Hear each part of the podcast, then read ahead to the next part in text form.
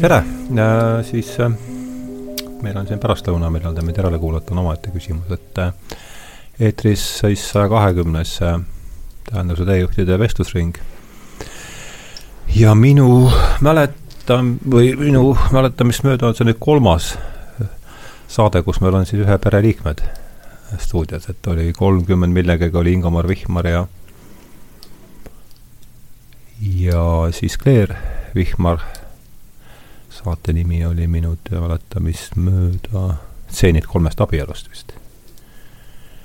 Äh, ja siis olid Mailis Napa ja Rein Munter üle-eelmises saates siis äh, Tütar ja isa.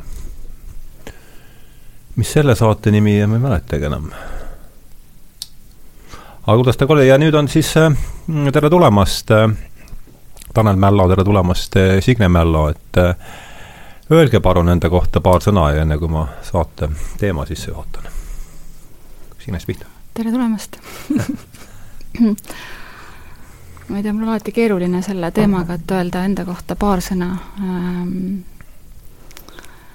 et ähm, täna hommikul ärkasin, olin elus äh,, võtsid vastu meid äh, mõlemaid viis tütart ja ühe tütre viisin äh, hommikul matemaatika riigieksamile.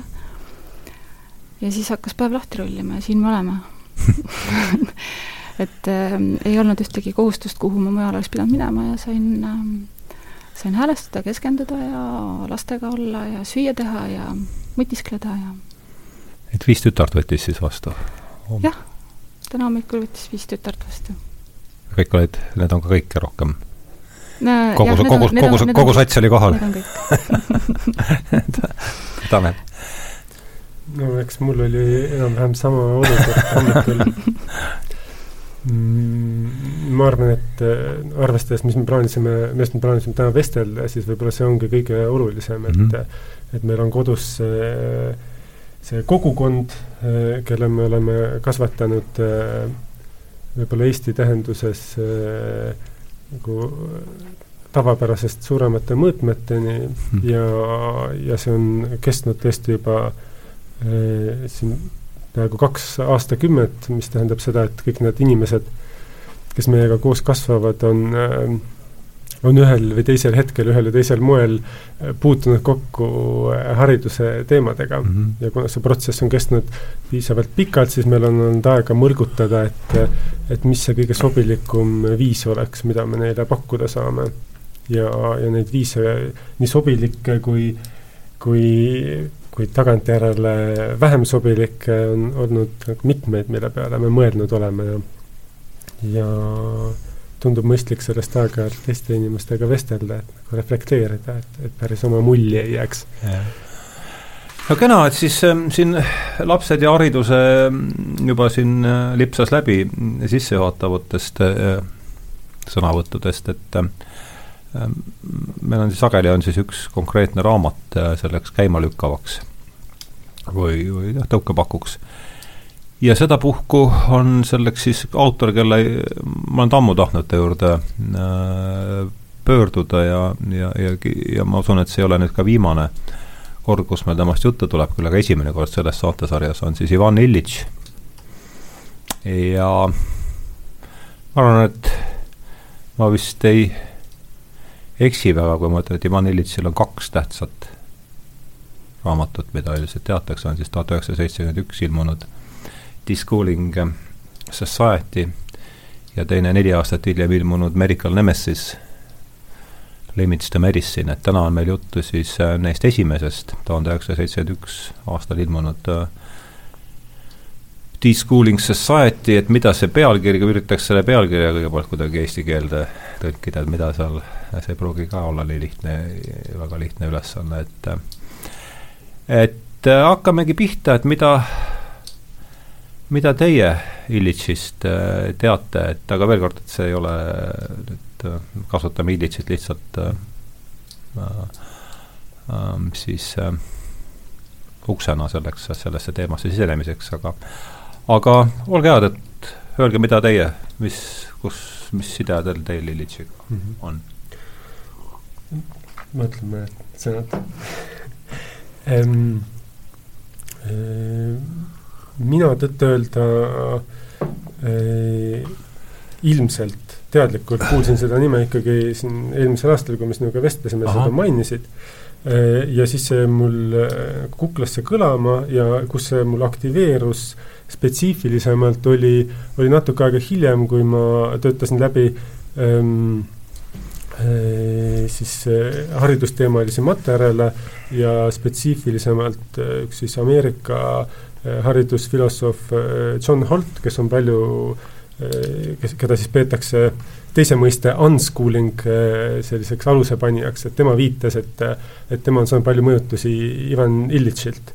Unschooling, jah? jah, ja siis see, see motiveeris mind ka natukene põhjalikumalt Illitšit uurima, et siis minna juurte juurde tagasi, et, et kust see John Holt, kes siis rohkem, rohkem praktikuna äh, aitas seda äh, unschoolingu äh, liikumist äh, aktiveerida Ameerikas noh, ka seitsmekümnendatel, kaheksakümnendatel äh,. et, et kus siis tema oma ideed sai ja, ja selle de-schooling'u, me kasutame siin neid ingliskeelseid mõisteid lihtsuse mõttes, ehkki võime mõtiskleda selle üle, mis nende tähendus eesti keeles olla no peaks, jah.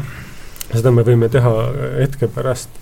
Aga et miks Illitšil on üks raamat just nagu haridusest ja teine meditsiinisüsteemist, eks ta sellepärast ole, et, et mõlemad on suured institutsioonid.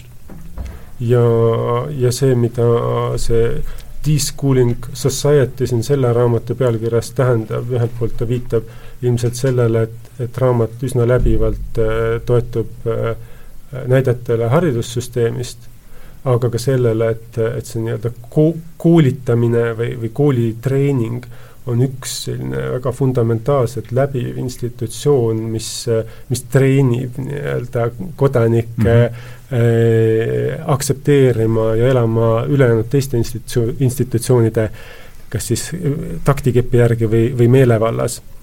ja, ja nii see äh, de-school imine ongi nagu ühelt poolt laiem mõiste Just. Äh, ühiskonna võimalikust vabastamisest institutsioonide ikkest, aga, aga teiselt poolt on sellel ka kitsam tähendus. ja mina jõudsin Illitšini just nimelt läbi selle kitsama tähenduse ehk siis, et kui meie lapsed eh, jäid koduõppele või vabaõppele, siis üle aasta tagasi, kaks aastat tagasi peaaegu, et siis ähm, siis ma lihtsalt hakkasin kaevama nendes võimalustes ja võimalikkustes, et mis see siis, mis siis selle, kogu selle maailma taga on. et kui me valime sellise tee ja siis äh, jõudsin mõisteni de-schooling, mis siis kitsamalt äh, mõistes on aeg, mil öeldakse lahti harjumuspärastest mõtetest ja mõtteradadest ja, ja see on nagu nii-öelda detoks, kooli detoks mm. -hmm. ehk siis, et äh, ja, ja, ja lugesin ka seda ja võtsin mingil hetkel päris omaks selle mõtte, et et, ähm, et nii palju aastaid, kui palju sa oled koolis käinud, äh, siis see kooli detoks toimub siis nii paljude kuude jooksul. ehk siis kui sa oled kolm aastat käinud koolis, siis kolme kuu jooksul peaks toimuma nagu see ja, ja siis ma jõudsin selleni, et minul endal on vist kõige suurem detoks vaja läbi teha, et et palju aastaid meil siis kokku tuleb seda, seda haridussüsteemi, et me oleme siis selles protsessis praegu põhimõtteliselt sees, et me ei ole nagu, ei ole veel äh,, detoksit ei ole toimunud. et me oleme, oleme teel ja siis noh, sealtkaudu jõudsime ka Illitšini, et, et ähm, nii-öelda laiem mõiste ja, ja et kuidas see siis nagu ühiskonna tasandil peegeldub või, või mis, mis liinid seal siis läbi jooksevad ja ka selleni, et tegelikult kõik needsamad teemad jooksevad läbi meditsiinis, usus ähm,, majandus, majandusmudelis, noh, tegelikult igal pool, et äh, meedias. No ma ütlen siis enda poolt ka, et mina mina sattusin Illitsini ka vist kümmekond aastat tagasi, ma ei ole teda palju lugenud, et aga John Gray oli see, kus, kelle kaudu ma esimest korda temast kuulsin ja olen ta siis äh, põhjalikumalt töötanud selle teise raamatuga, Medical Nemesis, mida ma kasutasin päris usinalt, kui ma kirjutasin oma esimest seda majanduslikku inimest ja poliitilist looma. Uh, see Discooling Society's ma la-, laadisin alla alles täna hommikul ja natukene sirvisin teda ka, et noh, eks ma ju enam-vähem kujutan ette, mida ta endast kujutab ja ja ta on ikka ladusa, hea, hea sulega ja niisugune hea stiilimeister, et nii mõnedki asjad, mis on, on sööbinud mällu sellest äh, meditsiinisüsteemi kriitikast, aga aga noh, algus on, algus on tehtud äh,. Esimene, teeks kohe alguses, üritaks äh, ja, ja, ja, ja tõenäoliselt me tuleme selle juurde tagasi lõpus ka, et, et mida see de-schooling, de-schooling äh,, sest sa, kuidas see de-schooling society võiks eesti keelde tõlkida selle äh, lihtsalt äh, mitte, et me peaks kohe lahenduseni jõudma, aga mõtleme natuke koos, enne kui me, enne kui me, eks me oleme seda juba siin teinud, aga et, et noh, saaks sõnale sõna vastu, siis see võib-olla aitab meid äh, lihtsalt edasi minna. Mm, jaa, eks need äh, eesliited, mida inglise keeles on nii ladus panna, eesti keeles ei ole neid nagu niiviisi varnast võtta äh,, et, et tuleb tuleb kaevata, et nagu väga kaugele pole jõudnud, siin just jätsin viimasel hetkel tuttavate keeletoimetajatega konsulteerimise, et ähm, et, et noh, kui ma mõtlen selle nagu tunde peale mm, -hmm. mis selle sõna taga olema peaks, et siis ta ikkagi on millestki nagu lahti Lahe, äh, või vabaks tegemine ja siis see ampluaa võib käia nagu laias diapasoonis, et et võib-olla nagu lahti koolitamine mis samas jällegi see koolitamine on, seal sees, et, et me ei taha kedagi enam koolitada, vaid just koolitamisest vabastada. ja siis teine märksõna, võimalik ähm, variant, mis mul tuli esimese hooga pähe, oli kooli lahtistamine mm. -hmm.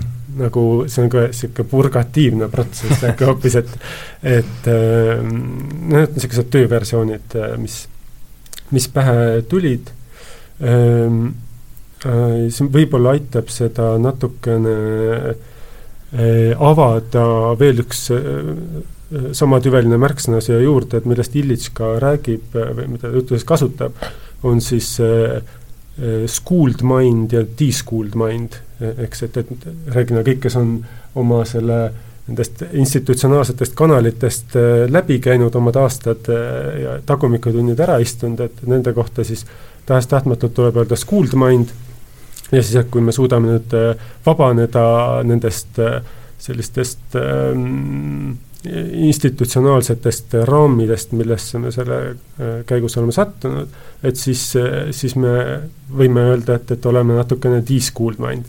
muidugi, mida Illitsile endale ka kriitikaks ette heidetakse, on see, et et võib ju vaadata tema võimekust käsitleda keerukaid äh, abstraktseid probleeme äh, nii ladusalt, nagu ta seda teeb, tänu sellele, et ta on ikkagi saanud korraliku akadeemilise hariduse mm. -hmm. et noh, see, see on nagu vastuolud hakkavad kohe nagu esimesest lehest peale ja mulle tundub ka, et see, lihtsalt Tanele lühidalt jätkuks, et seal võib-olla see dressuuri aspekt on selles kuulis kuidagi, kui ma sind kuulasin, et siis mul hakkas kuidagi see dresseerituse ja dressuuriga kuidagi see, et see on võib-olla ka mingi aspekt seal, aga ole hea, Signe, mõtiskle sa ka samal teemal natukene mm,? Võib-olla on mõistlik siiasama patta tuua ka veel tegelikult teisi mõisteid mm, -hmm, et mhm, näiteks unschool, unschooling ja mm, -hmm. ja, ja muud taolised äh, mõisted, mis siis puudutab, või homeschooling mm. -hmm et äh, kõik mõisted, mis ka praegu on hästi nagu aktiivsed või, või väljal ja mille üle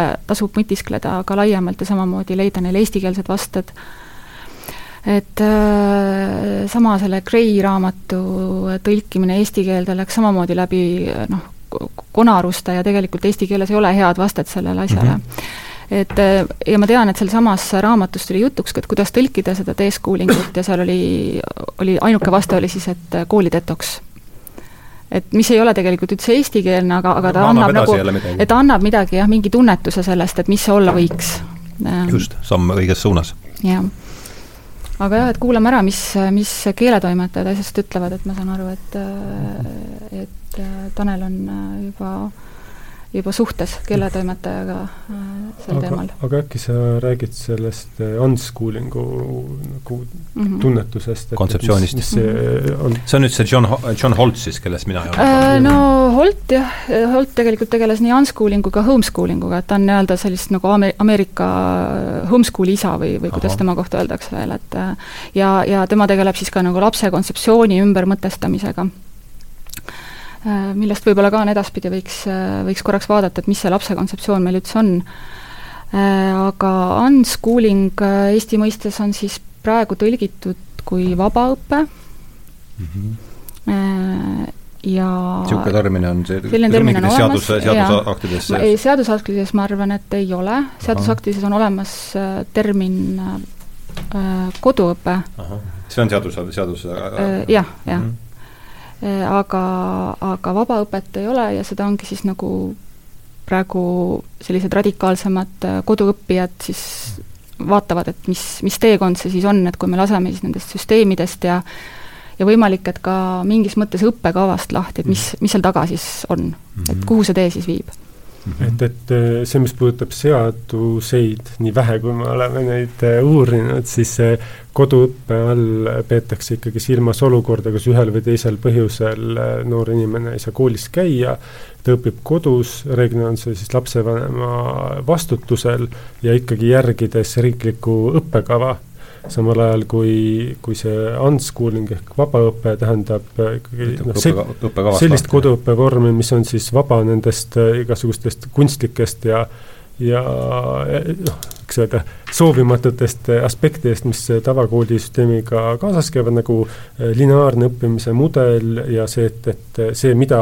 ja millal, mis ajal ja kellega koos sa õppima pead, on väljaspoolt ette antud ja, ja seda vabaõpet siis iseloomustab rohkem see, et, et igaüks ise leiab äh, äh, aja ja koha ja inimesed, kellega koos ja, ja mis mis teemat õppida, et see vaba tähendab seal siis sellist isiklikku va-, vabaduse ja ka vastutuse äh, võimaldamist äh, noorele noh, tegelikult kui me vaatame Illitsi järgi, siis mitte noorele, vaid ükstapuha millisele inimesele mm, -hmm. et mhm. Illits kritiseerib ka seda, et et kas on praktiline suunata ühiskonna äh, nii suur äh, ressurss äh, väga kitsale ajavahemikule mm, -hmm. noh siis ütleme, et need, kui me räägime alaealiste koolist siis ikkagi seal kümnele, kaheteistkümnele aastale, ehk praegu on selge see, et Illitsi raamat on kirjutatud seitsmekümnendatel, et nüüd me räägime elukestvast õppest ilmselt rohkem,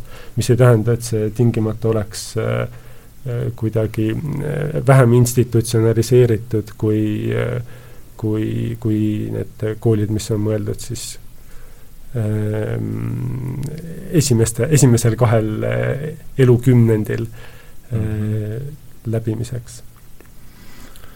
no kena, nüüd esimene ring on peale tehtud, et siin vabaõpe ja koduõpe ja ja kõik need, eks me, eks ju see jääb meil siin niimoodi pähe niimoodi see küsimus tiirlema ja mine sa tea, kus me siin saate lõpuks jõuame, aga aga hakkaks sellest Signe poolt vidatud mõttest äh, arutama või arutama seda asja, et et teil endal on niisugune kooli detox äh, pooleli, et räägiks äh, paari sõnaga teie endi haridusteest, et äh, et kõigepealt niisugune lühike faktoloogia ja siis huvitavam, et mis on see nüüd kõige selle taustal, mida te teete tagasi vaadates, et mis on need asjad, mida teeks teisiti ja, ja no võib-olla mingit, üritaks mingite üldistusteni jõuda nende kogemuste baasil kumb tahab, kes tahab alustada? tõmbame loosi Kivimäe Bergerid mm,. no ma võin alustada, et ma äh, olen teinud kõik kohustuslikud äh, teekonnad läbi äh,, käinud äh, lasteaias, lasteaias, just äh,, prooviks ka sõimes, aga see ei läinud vedama ja emal äh, hakkas äh, emal tuli hingevalu. Et ei ole mõistlik äh, nii väikest last panna ära. ja siis ma olin kuidagi kogukonna hoida. Ja siis äh, lasteaed ja siis kool, põhikool ja gümnaasium, gümnaasiumis, gümnaasiumis siis spetsialiseerumine nii-öelda oma valdkonnapõhise või oma nagu tunnetusepõhiselt, keeled, ei, Võrus. et, et keeled ja humanitaaria. Ja siis paralleelselt äh, spordikool ja muusikakool mm. -hmm. mis ala sa tegid? mis spordiala äh,? kergejõustikut ja siis ja, ja muusikakoolis klaverit mm. ja siis äh, kõike muud, mis sinna kohustusliku muusikahariduse juurde käib. ja siis ülikool, Tartu Ülikool äh, haridusteadused, tol hetkel oli siis filosoofiateaduskonna all mm -hmm.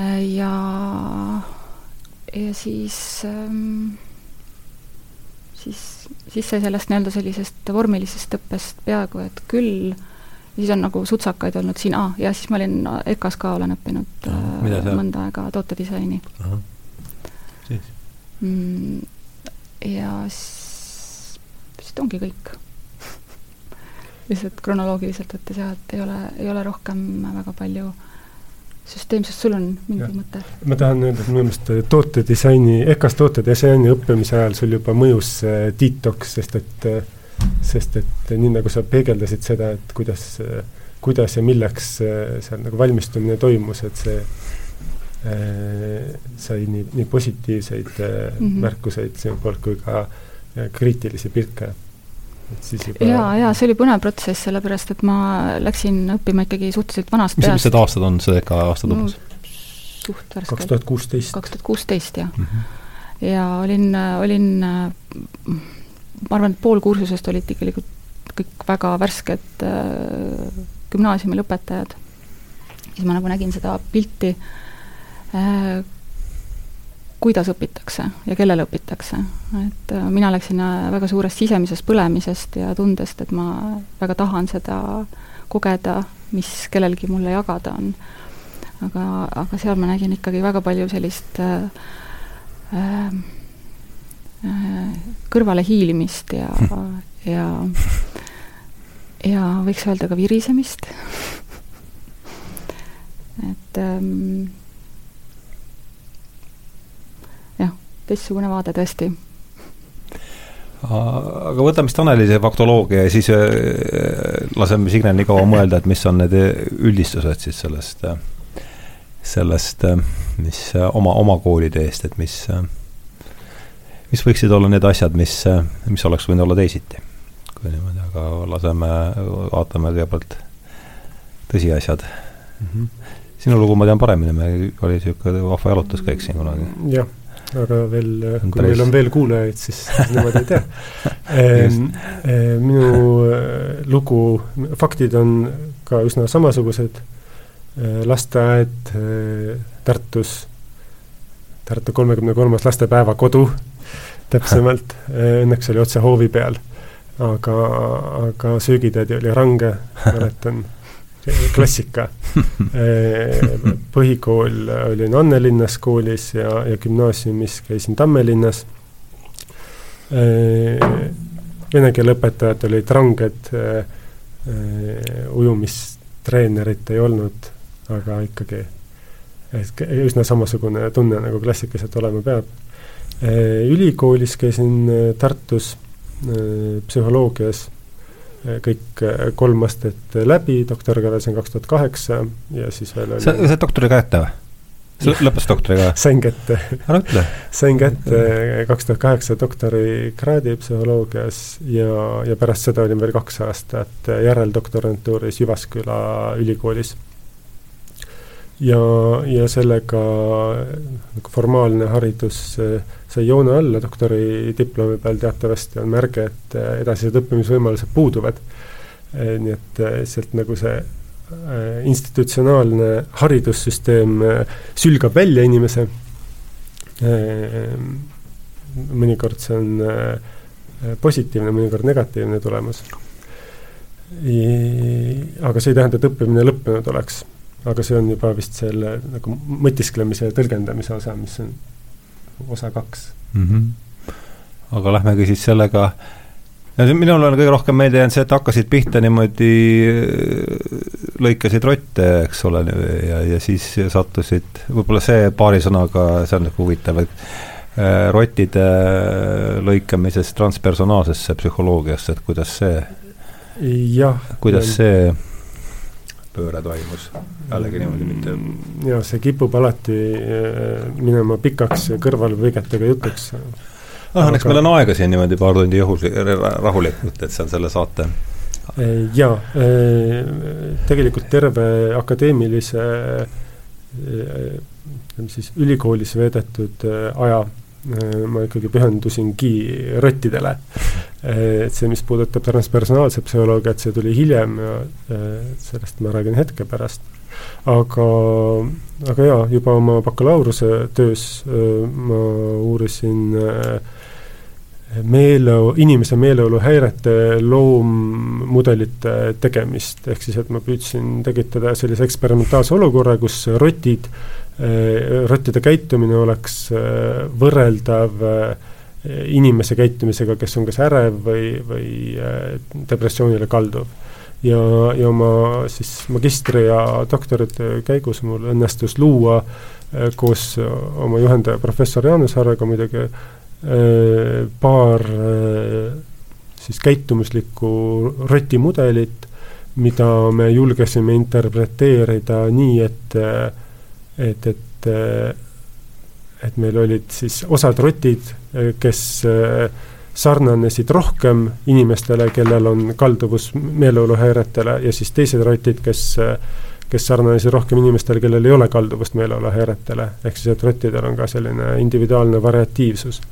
ja, ja siis kasutades siis neid mudeleid, neid käitumuslikke mudeleid, ma nagu olin kollaborant teises suures institutsioonis, meditsiini eh, teaduspoole eh, institutsionaalsetes võrgustikes, ehk siis et me püüdsime leida uusi ravimikandidaate, uusi, testisime erinevaid molekule, mis siis, millest lootsime uusi eh, meeleoluhäirete ravimeid. ja, ja kuidas ma sellest väljusin, olidki umbes äh, nagu sisemised kahtlused äh, ikkagi äh, võtsid maad, et kas see ressurss, mis, mis mina isiklikult panen nende katsete tegemiseks, nii, nii käitumise jälgimiseks kui ka siis biokeemiliste uuringute tegemiseks ja, ja see viis, kuidas me hiljem interpreteerime neid tulemusi, et teeme selle hüppe roti käitumiselt inimese mm, meeleoluhäirete juurde, et kas see, kas see interpretatsioon ikkagi on noh, põhjendatud ja, ja õigustatud. ja, ja see on äh, õnneks või kahjuks ikkagi selline loominguline valdkond või loominguline osa teadusest ja, ja inimesed on erinevad, et kuni selle punktini umbes kümme aastat mulle nagu passisid eh, need suured hüpped interpretatsioonis, mis õigustasid selliste mm -hmm. uuringute tegemist. aga, aga siis tolleks hetkeks, kui ma umbes doktorikraadi kätte sain, siis, eh, siis mu kahtlused olid juba suuremad ja, ja mulle tundus, et vähemalt isiklikult ma, ma pigem äh, paneksin oma energiat ja tähelepanu mingisse teise suunda, mis, äh, mis tõotab nagu vähema kahjuga teistele liikidele, äh, inimesele siis võib-olla suuremat, suuremat kasu vaimse heaolu mõttes. ja, ja see nihe ei toimunud kergelt ja, ja ei ole sugugi lõppenud, aga äh, aga ma, ma nimetan oma teiseks doktorikraadiks aeg-ajalt seda, et et saatuse tahtel ma, ma sattusin välja andma eh, transpersonaalse psühholoogia raamatusarja eh,, kus siis eh, minu eh, abil ilmus umbes kolmkümmend kõvakaanelist väga erinevat teost ja, ja siis psühholoogia väga erinevatelt äärealadelt reeglina, aga ka klassikalisi teoseid nagu ähm, ähm, nagu ähm, äh, Rogersi ja, ja positiivistliku psühholoogia raamatuid ja üht-teist veel. Rogers ja, on ka seal sarjas, jah? jah, jah. mis see, mis see Rogers raamat on?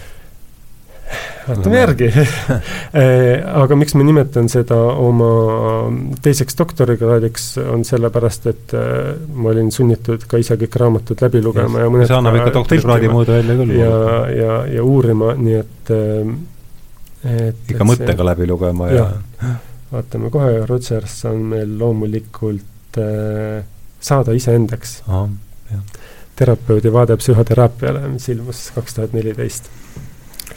Äh, ja jah, nii et, et mingis mõttes ma nagu arvestan selle ka äh, enda, enda harimise hulka, ehkki ehkki see toimus juba üsna institutsionaalselt äh, nagu vabades tingimustes. see oli osa juba detoksist äh, natukene või? ilmselt äh, küllap, ma kujutan ette, selles äh, kontekstis mm.. jah, nii mitmes erinevas mõttes mm -hmm. kindlasti. ma nägin seda ängi ja valu kõrvalt küll, seda, kuidas tuli jah, lahti öelda sellest ähm, see pole lihtne, see on ikkagi ju mingitest uskumute süsteemist ikkagi lahtilaskmine, eks?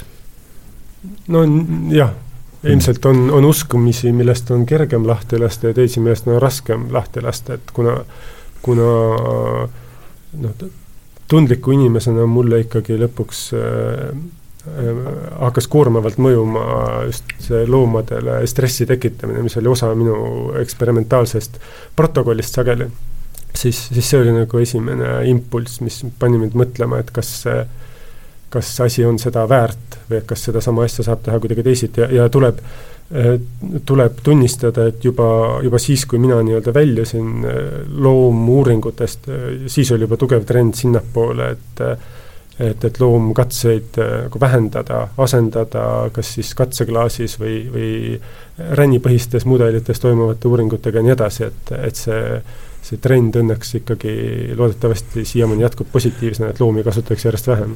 nagu ränist inimeseni on veel suurem hüpe kui korotist ongi võib-olla mulle. kes teab mulle tundub, aga aga hästi, eh, tuleme, paneme siis selle joonealuse märkuse praegu kinni, see oli väga huvitav, eh, huvitav kõrvalepõige siin ja annab ka üht-teist mm, ma arvan, päris olulist selles, mm, selle keskustelu jälgimisele juurde, aga et Signe, sul oli aega nüüd mõelda natuke, et mis see eh, et kui nüüd detoks lahti läks, et mis siis olid need, mis olid need piirkonnad või et kus siis oli kõige rohkem vaja valgete kitlite ja ruududega spetsialiste? no see on natuke selline oleks küsimus, eks ole, et ähm, ähm, no kui ma vaatan oma lapsi õppimas praegu äh, või meie lapsi äh, nii-öelda sellises põhimõtteliselt ikkagi võrdlemisi vabas kulgemises ja selles, mis nende nagu hingeasi on või nende valikud on äh,, siis, äh, siis ma tunnen ära selle, et mina oleks soovinud olla koduõppelaps. ja, ja olgugi, et ma koolisüsteemis toimisin äh, väga hästi, ma õppisin selgeks kõik sellised ratsimise viisid, kuidas, kuidas ähm, kuidas teha head nägu, kuidas saada häid, häid hindeid äh,, kuidas võimalikult vähe kohal käia ja nii edasi, et selles mõttes see oli selline noh, kasulik elu õppetund. aga, aga kindlasti oleks äh, minu teekond olnud hoopis teistsugune, kui mul oleks olnud võimalus õppida nii, nagu meie lapsed praegu õpivad. ja, ja meie kümneaastane tütar, kes on äh,, on selline tõeline, leiutaja, et ta põhimõtteliselt hommikuti alustab sellega, et ta koorib kõik oma vahendid lahti ja vaatab, mis sealt siis tulema hakkab.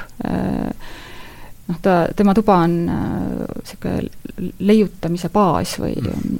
mõned inimesed ütlevad ka seapesa. mõned ütlevad ka seapesa ja me, ka meie ütleme vahepeal selle kohta. seapesa siis, siis ma tunnen ära äh, väga palju ennast temas ja ma mhm. näen, et äh, ma olen iseennast väga palju piiranud selle koha peal mm, ja ma arvan, et ma sellesama impulsiga, äh, selle piirangust vabanemiseks äh, iseenda leidmise impulsiga läksin ka õppima äh, Kunstiakadeemiasse. et, ähm, et nagu nii-öelda sellele teine selline, teine mõtestus või, või teine tunnetus taha anda õppimisele ja, ja leiutamisele ja, ja nii-öelda inimeste ja asjade suhte mõtestamisele ja sellest arusaamisele ja siis äh, kindlasti, äh, kindlasti on ravi vaja ka muusika koha pealt, et, et see, mil viisil ma kujutan ette, et ikka veel muusikat õpetatakse või õpitakse, on, on minusse väga sügava jälje jätnud ja mm. kontakt muusika ja iseendaga on läbi muusika on siis tegelikult hästi kuidagi haiget saanud et selline klasikamuusik, klassikaline muusika õppimine, kus äh, väike laps tahab Bachi mängida või Beethovenit, et selles mõttes seal puudus igasugune loomingulisus või, või, või luba äh, muusikasse sukelduda, vaid et sa pidid täitsma mingit väga kindlat formaati. et seal, see oli koht, kus ma ei saanud äh, teha seda, mida ma võib-olla koolisüsteemis teha sain või, või selles põhi, põhi, põhiõppes või see oli veel reglementeeritud? see oli veel rohkem reglementeeritud, just et seal ma tegelikult olin õpetajaga, seisin silmitsi ja see ei olnud koht, kus ma oleks öelnud, et ähm, et ma tegelikult ei taha seda teha, ma ei taha seda mängu mängida praegu, et tahaks hoopis midagi muud teha, on ju, et siis noh, temal oli mulle nagu idee ees ja, ja, ja see idee oli aastateks ette antud ja nii oli mm. -hmm. kõrvalepõikeid sellest teha ei saanud mm. -hmm.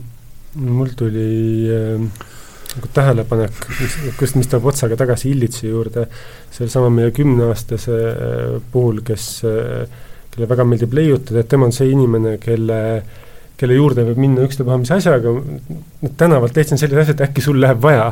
siis ta siis ta reeglina, et jaa, ma olen seda just otsinud, no mis iganes jurakas see parajasti olla võib, aga et, et noh, ühesõnaga midagi ei saa ära visata, sest et kõik on, kõik on vajalik. ja et ta, et iga uus nagu asi annab talle mõtte, et, et mida nüüd siis proovida võiks. ja, ja see eh, mis, mis seos mul tekkis Illitsiga, oli see, et, et tema siis kritiseerib äh, seda, et, et paljud asjad Äh, mis, mis meid ümbritsevad, et nende kasutamine on väga reglementeeritud ja, ja sageli äh, et noh, kui me räägime kooli kontekstis, eks ju, siis, äh, siis asjad on ette nähtud kasutamiseks kindlal ajal ja kindlal eesmärgil, mis on siis õppekava ühes kohas. ja et, et isegi kui meil on laborid ja, ja mikroskoobid, siis selleni me jõuame ma ei tea, kuna, aga et selleks on kindel, kindel aasta ja kindel aeg, kui te seda kasutada saate. Samal ajal, kui noh, me näeme selle, selle kümneaastase inimese pealt, et, et ta, et, et, et kui tuleb uus asi, siis see tõenäoliselt inspireerib teda midagi tegema või, või ennast uurima, kas selle funktsiooniga, mis seal on ette nähtud, või siis mingi teise funktsiooniga, mida, mida ta enda, enda nagu loomingulisusest lihtsalt välja, välja toob Äh, jah, et selle koha peal võiks öelda, et tema on täiesti niisugune de-schooled mind mm. -hmm. et äh, tal ei jookse nagu mõte sellist mööda kindlat rada, et nii täpselt peab olema, vaid et ta on mm -hmm. nagu mhm. tohutult loominguline selle koha peal. ja, ja tema puhul me nägime ka seda, et kool tegi väga suurt kahju. et ähm, äh, üks asi, tema loominguliste protsesside rütmid läksid kooliga täielikult vastuollu, sest et tema huvi ähm, leiutada algas varahommikul, aga sageli kestis ka hiliste öötundideni ja, ja kool sellist, sellist vabadust üldjuhul ei võimalda. Mhm. et tuleb magama minna, et oma töö, öötunnid täis saada, et siis töötunde tegema hakata mm. -hmm. no kena, mõtleme, kuidas siin siis nüüd edasi minna, et meil ei ole mõtet siin ilmselt ähm, hakata kindlasti Illitsist, Illitsi, Illitsist nüüd näpuga järge vedama, et et see de-schooling või unschooling, kas ta praegu jääda siis ingliskeelseks, enne kui me siin mingi, mingi mõiste siin sättub või mingi mõistete perekond, et aga noh, see koduõpe ja vabaõpe, need on kahtlemata, mis sinna alla kuidagi lähevad ja need on need, milles, millega teil on isiklik kogemus ja see on eelkõige siin huvitav, et ja nüüd käisid siin siis äh, viis, viie, viis tütart käisid jutust läbi, et ta tõenäoliselt oleks kasulik, kuivõrd nad mängivad siin olulist rolli, et siis vaatame võib-olla isikkoosseisu niimoodi üle, enne kui me läheme. Et, et mis on see vanuseline diapasoon ja, ja, ja nii palju, noh, kuivõrd see on, see teema on siin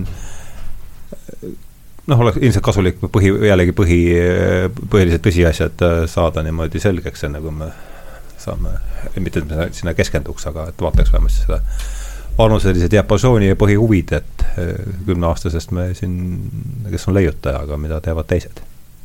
No ta ei ole mitte ainult leiutaja, ta kindlasti on kõike muud ka veel, et see on meie no, see selline, asi, mis meie viis teda kuhugi paigutada, et ähm, äh, alustame siis sealt nagu kõige vanemast, et äh, meil on kaheksateistaastane tütar, kes äh, lõpetab praegu gümnaasiumi ähm,.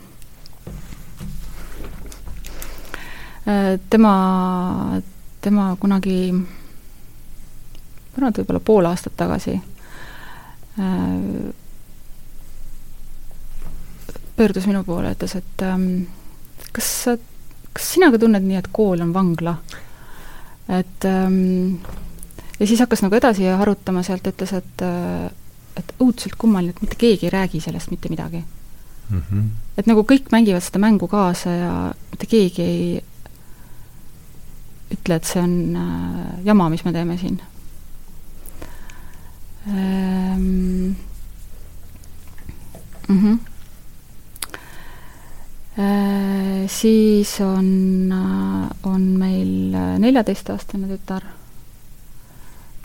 kes on samamoodi kooli, koolilaps, kooli, kooliteismeline. ema on siis, mis ta meil praegu on, mingi seitse ta on kaheksas klass, jah. et ähm, Äh, tal on ko-, kogemus mitme kooliga, et kuna me oleme vahepeal ringi rännanud ja, ja tal on huvi olnud ka kooli vahetada, et siis ta on, on saanud mitme kooli kogemuse äh, ja samamoodi kogemuse, mis tunne on jätta ühte õppeaastat vahele, et ta on, äh, hüppas siis ühest klassist üle mm. -hmm. Aha. ja siis ähm, sa tahad midagi vahepeal öelda? tahtsin selle kõige vanema noore kohta öelda kommentaariks seda, et, et mille pinnalt see kool on vangla kommentaar tuli, oli minu arvates see, see võimalus, mille möödunud aasta meile pakkus, et, et ka need, kes olid kooliga seotud, said, jäid nii-öelda koduõppele, eks ja. ole, sunnitult. ja, ja temale kas? distantsõppele, jah, vabandust. ja, ja temale meeldis see väga, et et ta sai tänu sellele ise paremini valida, millal ja, ja mida ta õpib, kuna äh, kuna äh, koolis ikkagi äh, pikka aega ei olnud äh, väga palju tunde, vaid õpe oli korraldatud teistmoodi veidikene, siis see vabadus oli tunduvalt suurem kui siis, kui, kui kool toimus veel nii, et, et hommikul läksid kohale ja ja õhtul kell viis said, said tagasi. ja, ja see, mul on tunne, et, et see, selle vabaduse tundmine nagu läbi, läbi tunnetamine äh, Äh, nüüd, kus ta sügisel äh, ikkagi mõneks ajaks jälle läks äh, hoonesse tagasi, siis, siis see kontrast ja, ja taipamine tuli sellest, selle kontrasti tajumisest siis tuli see taipamine mm, -hmm. et, et ma saan selle pealt olnud, jah? No see on fantastiline kogemus mm -hmm. selles mõttes, et, et me näeme ju oma tutvusringkonnast ja, ja nii palju, kui nagu laiast maailmast lugeda saab, et et ühel või teisel põhjusel äh, see, mis viimase aasta jooksul toimunud on, on ikkagi pannud paljusid peresid äh, valima äh, siis erinevates vormides isejuhitud või, või kodu või tont teab veel, mis õpet, igatahes institutsiooni välist või institutsioonist vähemalt poole ajaga väljas olevat õpet. jah, on peaaegu võimatu, et on ainuke, kes niimoodi küsib, eks, et jah, et noh, see sõltub juba peredest, et, et kuivõrd äh, need otsused tulevad laste enda eh, nagu väljendatud tunnetest ja, ja kuivõrd need tulevad vanemate erinevatest eh, noh, arusaamadest eh, ja, ja põhimõtetest, et eks need, eks, eks paljud koolid on eriolukorras ka keeranud vinte peale nii mitmeski, mitmeski mõttes, mis võib juba, juba varem kriitilise lapsevanema nagu selle pillikeele ikkagi lõhki lüüa ja panna tegema otsust, mida, mida võib-olla tavaolude jätkumisel poleks teinud, et, et laps või noor äh, koolist vabastada nii-öelda mm. -hmm. kuna sa sammu selle suurema tüdruku juurde tagasi astusid, siis ähm, äh, siis tema avastus oli ka see, et äh, talle ei sobi koolirütm. ehk siis, et tema nagu võime õppida ja asju teha on hoopis teisel ajal. ja, ja mm, talle ei sobi see, et et et on selle ajaühiku jooksul peab tegema seda asja et ta tabas seda, et ta on hästi efektiivne, kui ta hommikul kell kuus ärkab sageli polnud õpetajad veel selleks ajaks ärganud, et ülesandeid üles riputada, aga siis ta oli lihtsalt nagu valmis selleks ja loonud endale õhkkonna, kus ta, kus ta ootas lihtsalt siis seda, seda sõnumit, et mis nüüd tegema tuleb hakata mm. -hmm. ja, ja, ja sai jälgida iseenda rütme, mil, millal ta selle päeva jooksul ära teeb, kas peale sööki või enne sööki või, või kuna iganes, et selles mõttes see kooli, kooli kriitika, mida ka Illich ütleb, on see, et me peame tegema ühel ajal kõik monoliitse sellise massina ühte armee väike mudel mulle tundub siin. Mm, nojah, vangla või armee või kuidas iganes seda nimetada, jah. Ja.. et kõigil peab olema sellel ajal äh, selle aine vastu huvi ja just täpselt sellisel viisil, nagu seda kooli poolt õpetatakse ja noh, tuleb, tuleb mainida, et erinevad õpetajad eh, on noh, selles osas väga erinevad, et kindlasti on, on õpetajaid, kes suudavadki nagu tõmmata kaasa nagu hea jutlustaja. Mm, -hmm. tõmbab kirikutäie inimesi kaasa ja, ja kõigil tekibki huvi. võib-olla mitte iga päev ja iga tund, aga, aga mõnikord, mõnikord tekib, samal ajal on, on ka teisi, kes, õpetajaid siis, kes ilmselt nagu aastast aastasse kordavad sama teksti, ülikooliski on neid võib-olla isegi rohkem kui kui äh, põhikoolis ja gümnaasiumis. et kes, kes äh, ei, ei hooli võib-olla sellest, mis nagu vastuvõtja poolt äh, toimub. jah, mulle meeldivad tulevad meelde Nõukogude õiguse niisugune distsipliin oli tipis meil. Pole vaja osaleda, on vaja lihtsalt vastu võtta, tablett alla neelata ehm, ja selle mm, nüüd siis kaheksanda klassi äh, noore kohta ma arvan, et on, äh, on õige öelda, et tema on selline inimeste inimene, et, et teda, talle kõige rohkem see on see kaheksateistkümne aastane? ei, see kaheksanda klassi ah, neljateist-aastane, et, et tema nüüd, kui aasta tagasi kool jäi katki mm, eriolukorra tõttu, siis, siis talle põhjustas kannatust ikkagi eelkõige see, et äh, et ta oli sellest sotsiaalsest äh, kõrge ekstravertsus siis, äh, tundub või? ei, see, see on võib-olla liiga lihtne sõna selle kohta öelda. aga no tõenäoliselt on no, seal ikkagi kõrge stimula... ekstravertsus on ikkagi ka seal no,, või? noh, mida, mida see silt annab no midagi ikka annab, suure viisiku mudelist ta annab meid ikkagi no, no ütleme, et inimene või, või telg või midagi, ma arvan, noh, et, et inimene, kes saab oma nagu stimulatsiooni või sellise laksu teiste inimeste kaudu nende, nende hulgas mhm. viibides ja no seda ma mõistangi, eks ole.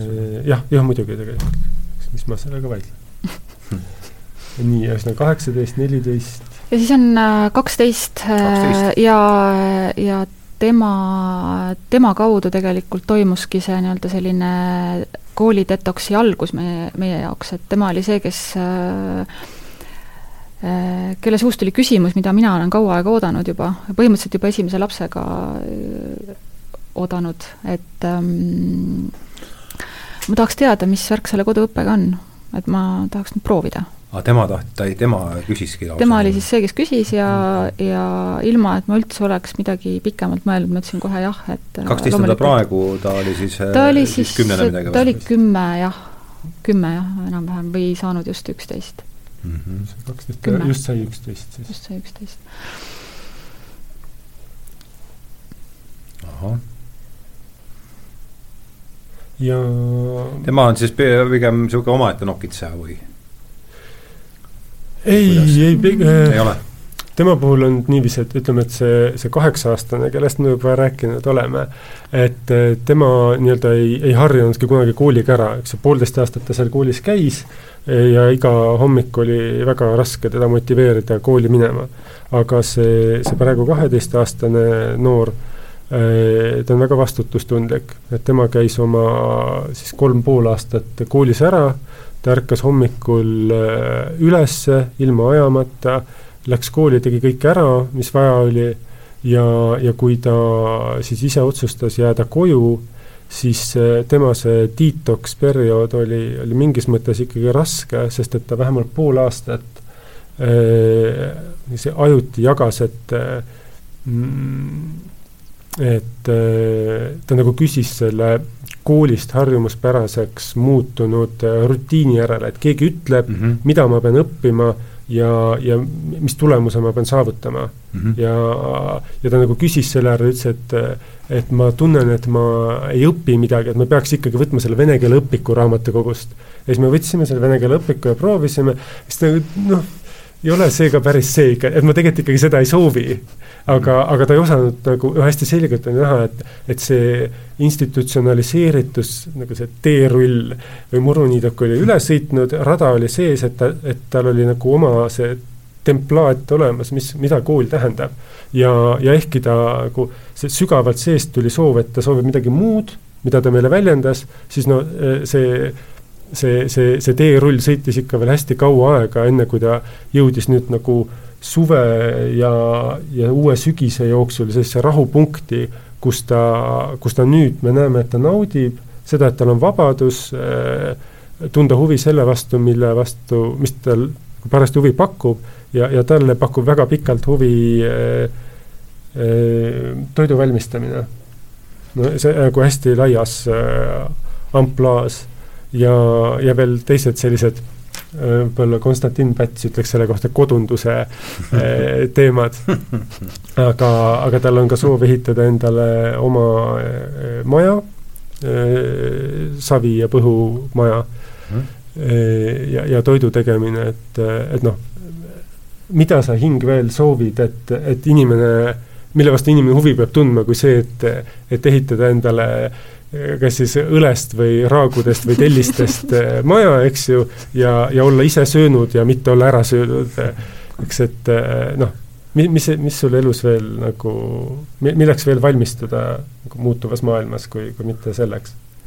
et aga jah, tema pealt me ikkagi näeme, et, et ta on väga hästi settinud ja sellesse, sellesse võimalusse, mille ukse ta endale ise avas ja, ja ilus oli vaadata seda protsessi, mis ei olnud üldse nagu noh, ei olnud iga päev see, et jee, ma ei pea kooli minema, vaid oli see, et kus mu vene keele õpik on mm, -hmm. ma ei, ma ei saa ilma hakkama mm, -hmm. et niisugune sõltuvusseisund natukene noh, väljastpoolt tekitatud mm.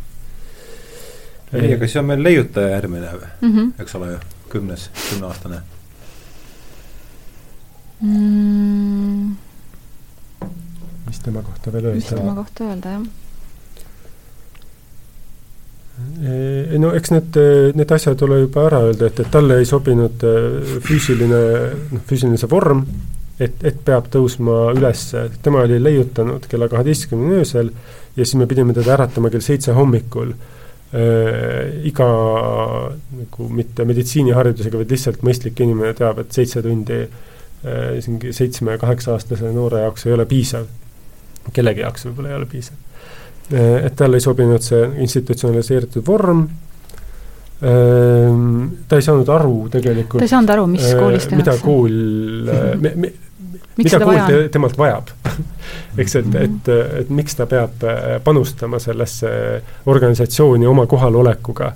et ja kuna ta noh, sisemine, sisemine impulss teha asju, mis talle pakuvad huvi, oli nii suur, siis ta ei suutnud, ei tema ega meie ei suutnud sellest üle sõita ja teda veenda, et õpetaja ootab koolis või et see on kohustuslik. ja kell kaheksa kolmkümmend käib kell ja, ja siis ma noh, need, need korrad, kui ma teda viisin siis esimesse ja teise klassi, noh, põhimõtteliselt iga hommik, viisin ta sinna ähm, koolimajja kohale ja olin temaga seal rõivistus ja nägin neid äh, kooli uksest sisse kiirustavaid äh, noori äh,, igaühel oma koorem kaasas mis, mis nüüd oli sundinud läbi tuisu ja tormi nagu tulema sinna, noh keda, keda vanemad peavad tõstma uksest sisse, eks ju, kes tuuakse ukse ette, kes suudab ise bussiga tulla, et eh,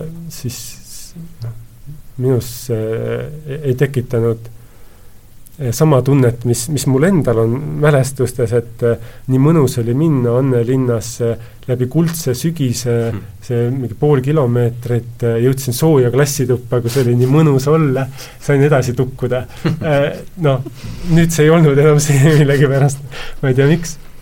ühesõnaga, et, et talle siis jah, oli, oli selgelt näha, et väga konkreetsed institutsiooni need nagu kriteeriumid talle ei sobi. ja, ja proovisime poolteist aastat ja, ja ei leidnud nagu tema jaoks viisi, kuidas need panna talle sobima. ja, ja tema ei ole küll kordagi tagasi vaadanud, et et, et mm -hmm. õpikut küsinud mm, -hmm. vaid, vaid korraldas ära enda jaoks ja, ja saab hästi hakkama. Mhm. ja, ja mina näen, kuidas ta leiutab nagu endale ka selliseid äh, õppimise võimalusi või et see on ka hästi põnev, et -hmm. et äh, et ta on ära tundnud seda, et talle meeldib see, kui päevas on üks mingisugune essents või mingi asi, mis teda siis nagu kuidagi kontsentreerib, et ta saab siis sellele oma tähelepanu pöörata ja siis ta on korraldanud endale siis peaaegu et igasse päeva mingisugusegi sellise maiuspala mm., et äh, on, on see siis äh, äh, mõne täiskasvanud inimesega kokkusaamine mingil kindlal eesmärgil või siis nagu lihtsalt niisama keegi võtab aja tema jaoks, et tal on olnud äh, nii-öelda koduõpetaja või siis see nii-öelda hõim on olnud tal selja taga, et on saanud pöörduda täiskasvanud inimeste poole öö, oma küsimustega ja, või siis, või siis on, näiteks tal on Jaapanis üks sõber, kellega ta siis jaapanlane? jaapanlane jah, kellega ta siis teeb mingit oma sellist, loob oma silda siis kultuuride ja keele ja, ja kõige vahele. meil jaapanlane tuli kõigepealt meie juurde see möödunud suvel kaks Jaapan, jaapanlannad, need olid juba noored täiskasvanud, käisid Tartu Ülikoolis inglise keele kursustel, ikka Jaapanist tuled Eestisse inglise keele kursustele. ja, ja siis üks neist sai Madliga lähedaselt sõbraks, hoolimata kümneaastasest vanusevahest ja ja siis nüüd nad ikka suhtlevad ja, ja igatsevad Eestisse ja Jaapanisse minna vastastikuselt mm. -hmm. aga no lihtsalt selle põhjal me näeme, kuidas toimub hästi huvipõhine keeleõpe näiteks mm, -hmm. et, et Jaapani poolt on suur huvi eesti keele õppe vastu Madi saab kogeda seda, kuidas on õpetada eesti keelt, millised on need tema viisid õpetada, samamoodi toimub jaapani keele õpe siis, et ja, ja me näeme ka seda, kuidas näiteks sellesama suhte põhjal toimub laienemine muudesse sfääridesse, et kuidas näiteks seesama kaheteistaastane tütar on huvitatud ka jaapani keele õpingutest ja kuidas tema siis tõmbab meid omakorda kaasa. kuidas tema kaardistab seda, mis meil, mis meil nagu, mis ressursid meil näiteks kogukonnas on. et meil on jaapani keele oskajaid ja tema nagu siis nagu küsib, et kuule, me peaksime temaga siis kokku saama. et äh, kas me saame teha siis regulaarseid kohtumisi näiteks. et nii-öelda see, see, sellest schooled mind'ist, mind'ist nagu välja tulemine või sellisest ähm, kindlat rada mööda käimisest äh, kõrvale astumine võib avada nagu nii ootamatuid asju, mille peale ise võib-olla ei tulegi mm. -hmm et, äh, et nagu lastele selles kohas vabad käed andmi, andmine on meile küll nagu ennast täiesti ära tõestanud mm. -hmm. aga siis on, ma saan aru, et kahe, on kaheksa-aastane veel ja siis on äh, sa vahepeal äh, ütlesid ma ütlesin äh, kaheksas klass. sa ütlesid kaheksa-aastane ähm, vist mõttega sellesse, et sel hetkel, kui, kui ta alustas aru. oma, alustas ja. oma nii-öelda sellist vaba õppeteekonda oli ta kaheksa-aastane. aa, see on, me see räägime nüüd sellest kümne, see oli nüüd see see oli, see oli tema kümneaastane just, just, ja siis on meil üks päris väike lapsukene kaheaastane lapsukene no,. tema ei puutu sellesse siis no tema puutub väga just sellesse. ah soo, seda et mingis nii. mõttes äh, äh, tema tulek tegelikult tõmbas meid maha mingisugusestki oravrattas olemisest, äh, mis andis meile nagu selja taha hoopis teised ressursid ja teise nagu võib-olla mõttesuuna, et et me muut-, olime hoopis kodusemad ja, ja noh, siis lapsed nägid ka seda ressurssi, et nemad saavad seda kasutada, et kui me mhm. oleme nagu päev otsa lennus kusagil, et siis see tegelikult ei ei ole küsimus, mille pinnalt küsida, et äkki ma võiksin ka kodus olla mm. -hmm. Pluss see, et äh, me oleme järjest enam ikkagi hakanud mõistma, et äh, et õppimine, kui seda üldse niiviisi saab nimetada, eluks valmistumine, kõige paremini tõenäoliselt toimub sellises kogukonnas, mis meil on liigina omane, umbes miljon aastat olnud, et väike grupp mm, -hmm kus on koos eh, ja, ja tegutsevad külg külje kõrval väga erinevas vanuses isendid eh, erinevatest põlvkondadest ideaalis. nagu mit-, noh, mitte ainult kahest, vaid kolmest või neljast erinevast põlvkonnast isendid. ja mis me näeme nüüd oma selle kõige noorema, meie pere kõige noorema liikme puhul on see, et, et ta on praegu kahene, samal ajal kui tema vanem õde on kaheksateistaastane, ehk siis ise praktiliselt juba lapse saamise eas mm. -hmm. ja, ja järjest enam me näeme, et see on äh, nii normaalne äh, viis äh, põlvkondade vahetamiseks, et, et see, kes on kõige vanem laps peres, ta saab valmistuda enda niiviisi pere loomiseks tänu sellele, et, et meil on see kõige, kõige noorem kaaslane peres, kelle kelle kasvamist ja, ja toetamist ta näeb äh, nagu selles vanuses, kus ta on kõige rohkem valmis seda vastu võtma. et, äh, et varasemalt äh, siin kümme, kümme ja rohkem aastat tagasi oli olukord, kus meil oli tegelikult kolm ja neli sellist alla viieaastast mhm. last ja, ja nad ei noh, nende, see on ka väärtuslik kogemus, aga seal nad ei õpi, et kuidas äh, no vähemalt mitte otseselt, et kuidas hoolitseda pooleaastase lapse eest, kui sa ise oled kahe poole aastane, eks mhm. ole.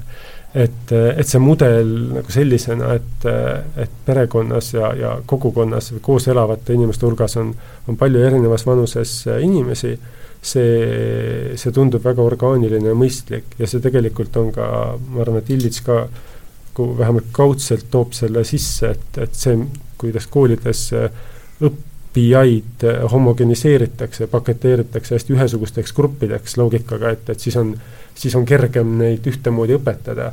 et see on väga kunstlikult tekitatud olukord, mis ei ole meie liigile sugugi nagu loomupärane. et me ikkagi liigina oleme miljon või, või vähemalt paarsada tuhat aastat harjunud elama teistsuguses koosluses ja ja selleks, see, see on see kooslus, mille sees me nii-öelda õppimiseks või eluks valmistumiseks kõige, kõige tõhusamini nagu valmis oleme, mille sees me vastu võtame kõige paremini. no aga kena, meil on tunnike siin on juba läinud, et äh, oleme äh,, arvan, hea aeg sissejuhatus lõpetada minna selle põhiteema juurde siis, et äh, mismoodi näeb siis koduõpe koduõpe välja ja kuivõrd ma olen nii kaugel sellest asjast, sest ega ma ei oska ka äh, peale selle äh, ühtegi küsimust nagu konkreetsemalt esitada, et äh, rääkige lihtsalt, palun, alustame sellest küsimusest pihta, vaatame, kuhu see meid edasi kannab, et tõenäoliselt käib hommikul mingi, keegi ärkab esimesena üles ja mismoodi see siis kõik hakkab, mismoodi see kõik hakkab no,, mismoodi see praktiliselt kõik välja näeb? ma olen aru saanud, nii palju kui ma uurinud olen seda teemat, siis kõik need, ähm, kõik need lood on hästi erinevad tegelikult ei saa öelda, et no nagu, teie, räägime teie loost. me saame rääkida ainult iseenda loost, eks sellest ole. sellest me räägimegi praegu. ja, ja, ja ma ütleks, et me oleme ikkagi teekonnal, et meil ei ole nagu välja kujunenud mingit ühte kindlat viisi, me ei ole ju tegelikult ühtegi last nii-öelda sellelt pinnalt ellu saatnud meil ei ole nii-öelda käekirja ja, ja see ongi osaliselt nagu võluv, et me saame nagu täiesti vabaks lasta ja, ja äh, noh, meie viis on see, et me laseme äh, lastel oma rütmi kujundada.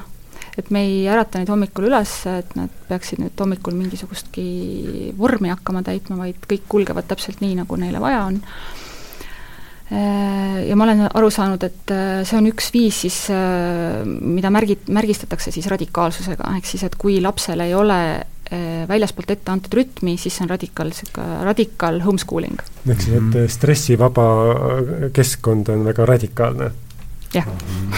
Mhm. ja, ja, ja ma võiks öelda, et iga päev on võrdlemisi erinev. Ja on päevi, kus on siis äh, kindlad asjad paigas ja on päevi, kus me siis lihtsalt nagu hakkame seda päeva lahti rullima ja vaatame, mis on selle päeva ressursid. Jah, sest et meil on ikkagi, me, me ei ole kumbki, mingis mõttes me oleme mõlemad sajaprotsendiliselt eh, koduõppe eh, nii-öelda täiskasvanud, aga samal ajal meil on ikkagi oma tööd ja tegemised ka. et, et kus võimalik, siis me eh, saame eh, lapsi sinna kaasata või kaasa võtta, kus ei ole võimalik, siis see täpselt ongi ressurss, millega me peame arvestama, et, et kui meil on äh, päevas noh, mina olin kaks päeva Tallinnas, siis, siis sel ajal eh, ma oli täitsa teine dünaamika oli teine dünaamika ja samal ajal ma selle kaheksanda klassi noorega ikkagi suhtlesin üle, üle telekanali ja, ja toetasin teda selles, milles tal, teda oli parajasti vaja toetada. aga et teate, et see, et kuna meil on õnn mõlemal olla ka suhteliselt, oma tegemistes suhteliselt vaba graafikuga, siis see, see, see võimaldab noh, sellist hästi suurt voolavust ja, ja paindlikkust ka selle suhtes, mida me saame koos teha lastega. nii et seesama, mida ka Illich on nagu toonitanud või, või eraldi välja toonud, et ük-, õppimine ähm, saab toimuda siis, kui on sul küsimus või, või, või kui sa oled valmis õppima, nii ehk siis, et me, me proovime nagu jälgida seda või aru saada sellest, et et mis küsimused siis päriselt meie lastel on, et mida nad parasjagu teha tahavad ja siis neile siis nii-öelda vastu tulla ja luua võimalusi või siis näidata näpuga kohta, kust äh, kust nad võimalused leida saavad mm. -hmm. no näiteks praegu äh, on äh, lastel päris suur huvi töö tegemise vastu ja võimalik isegi, et äh, mitte nii otseselt äh, raha teenimise vastu, vaid arusaamise vastu, kuidas äh,, kuidas mingid protsessid nagu toimuvad. et nad on praegu käinud äh,, need siis äh, kümneaastane, kaheteistaastane on käinud ähm, äh, nii-öelda vabatahtlikuna äh, ühes toitlustusettevõttes ta protsesse kaasa tegemas. Ja nad on nii tohutult vaimustatud sellest ja nad on õppinud, ma arvan, selle aja jooksul noh, rohkem kui kui nad võib-olla, ma ei tea, mis perioodi jooksul koolis oleks õppinud, et nad näevad nii-öelda tööprotsessi otsast lõpuni ja saavad seda nagu hands-on äh, äh, tegutseda selles, selles samas nagu ruumis ja, ja küsida küsimusi ja, ja ja mitte küsida ainult nagu selle protsessi küsimusi, vaid tegelikult saada seda peegeldust sellelt täiskasvanud inimeselt ja nagu teda ahmida või, või või tema maailmast osa saada. ja see täiskasvanud inimene on äh, samamoodi väga tänulik ja, ja kuidagi noh, niisugune väga, väga humble sellest olekust, et ta on ähm, noh, tegelikult on abi lastest ja samas tal on nagu samas tal on nagu mingi vastutus selle ees, et mida tema siis nagu maailma loob, et tema, tema vastutus on siis anda edasi seda, kes ta on ja, ja ja mida ta nagu on kokku keeranud siis siin maailmas. see on seal kuskil kaupluses oli seal? ei, need on ühes toitlustus või, või õigemini mitte toitlustus, vaid see on niisugune elustiili asutus minu meelest ka. no kus tehakse väike sellist... tootja, kes ah, toodab, toodab, toodab ja, ja, ja müüb oma, oma toidukraami äkki see on mingi müümisaspekt mulle jah, see on sealjuures ikka, et nad valmi-, noh, nad teavad, et nad valmistavad, äh, aitavad valmistada toodangut, mis lõpuks, mida nad, äh, kõik sai alguse sellest, et neile maitsevad need asjad, mis seal mm -hmm. tehakse, siis mm -hmm. minu meelest selle juures on oluline see, millele ka nagu Illich tähelepanu juhib, et et et noh, selles kontekstis, kus tema kirjutab seitsmekümnendatel muidugi, et, et ta toob välja, et et, et on õnnestunud äh, äh, juurduda sellisel arusaamal, et koht, kus õppimine toimub, on kool, et, et õppimine toimub ainult koolis, et mhm. mujal teised institutsioonid on nii-öelda vabastatud äh, mhm. õppimisest. see, ta toob niisuguse toreda anekdootliku näite, kuidas Karl Marx oli, oli vastu äh, lapstööjõu keelustamisele, kuna äh, kuna tema tunnetus oli, et, et kuidas siis noored saavad teada, mida tähendab tööl käimine ja kus nad õpivad siis üldse mm, -hmm. kui nad, kui nad pannakse mingisse institutsiooni, mis ei ole töötamisega seotud äh, muus mõttes kui, kui selles abstraktses mõttes, mida on nii kerge öelda, et lapse töö on koolis käimine mm, -hmm. eks ole. ja, ja, ja ühesõnaga, et, et õppimine tegelikult normaalses olekus toimub äh, igal pool tuleb, tuleb tõdeda, et, et sõltumata sellest, kui intensiivselt koolitatud keegi on, enamikku asju, mis talle on jäänud äh, nagu kasutusse õpitust selleks ajaks, kui ta on kolmkümmend või nelikümmend või viiskümmend, on, on sellised asjad, mis ta on õppinud väljaspool kooli äh,. ma saan, ma ei tea, kust need numbrid tulevad, aga aga ma olen kuulnud, et see õppimise tõhusus, ehk siis et et õpitust, kui palju nagu jääb üldse pidama, on võib-olla viis või kümme protsenti, et see on veel kehvem kui sisepõlemismootori tõhusus tõenäoliselt. Ehm, ja, ja ma tahtsin selle, millest me alustasime, see oma akadeemiline kogemus selle, selle refleksiooni osas, ma tahtsin lisada, et, et ma, ma enda puhul näen seda nii selgelt, et kuidas mina sain põhikoolist läbi ja osaliselt ka gümnaasiumist aga miks mul gümnaasiumis hakkasid hinded minema natuke allapoole, sellepärast et et äh, ma lugesin nii palju. selleks ajaks, kui ma läksin kooli, ma olin juba lugenud äh, läbi peale kõigi muude Tartu Linnaraamatukogus olevate raamatute ka oma kolm aastat vanema venna õpikud, sest et need olid väga huvitavad õpikud. nii et ma olin pidevalt nagu kolm aastat ees, sest et mul oli lihtsalt sisemine huvi lugemise vastu üldiselt äh,. Jules Verne'i lugesin, ma teadsin nagu, eks ju, kuidas, kuidas äh, toimub äh, nagu inseneri mõtlemine Äh, lugesin ajaloolisi romaane, ma teadsin ajaloost nii Eesti kui, kui Euroopa ajaloost. Ja, ja et noh, see oli nagu hästi suur turvatunne mul ka meie oma laste kooli vabastamise osas, et, et ma teadsin, et, et nii palju on võimalusi, kuidas nii kergelt on, on võimalik saada seda, mis sul elus vaja läheb. Et, et mina sain koolist läbi ilma, et ma oleksin pidanud õppima, sest et sest et ma olin juba kuidagi selle mujalt omandanud.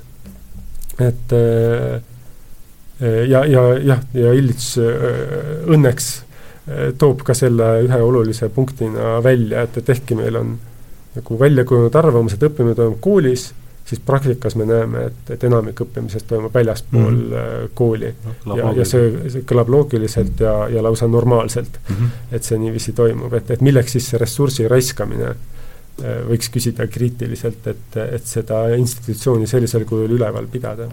kool on selleks, et saaks paberid, paberid, paberid korda.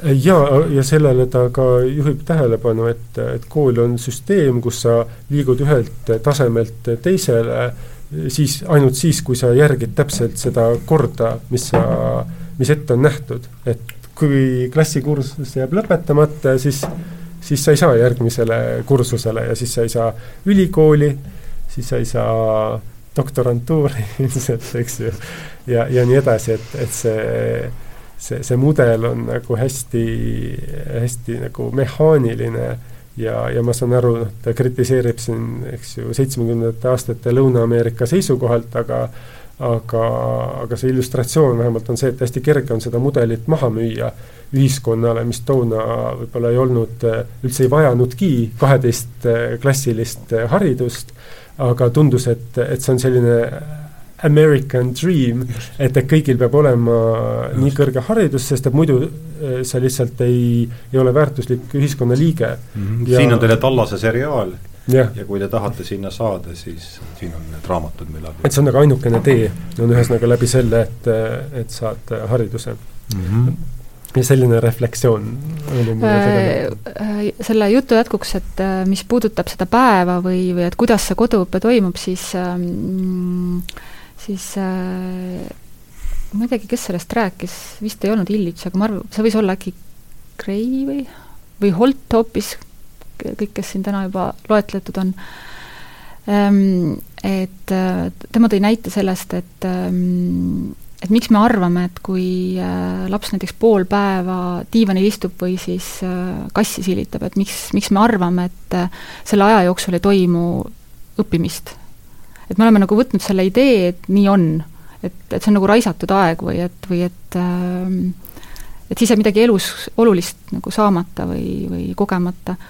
ja, ja seda me oleme nagu omal nahal tundnud, et see ähm, et kui lapsed alguses koduõppele jäid, siis, ähm, siis me vist nagu kõik, kõik vaatasime seda olukorda, kus, kus millal see siis juhtus, ütleme see, kus te panete selle, et see oleks ka oluline? no ütleme poolteist, poolteist aastat tagasi siis äkki, jah. Mm. jah, äh, äh, tegelikult paar kuud enne eriolukorra algust, eks eriolukord tuli märtsis, aga nemad jäid mm, nad ei, nad ei läinud äh, jõuluvaheajalt enam tagasi kooli kaks tuhat kakskümmend. kaks tuhat kakskümmend alguses. nii et selle, selles mõttes me olime, olime alguses võrdlemisi nagu ärevad sellest, kui laps äh, pool päeva diinal, diivanil istus. et no ma märkasin lihtsalt enda sees protsessi, et oot-oot-oot-oot, äkki peaks midagi õppima, äkki peaks midagi tegema, et mm -hmm. lapsed, tulge teeme etteütlust või teeme midagi, on ju, et see, see ja, ja ma nägin, et nende sees toimus samasugune asi.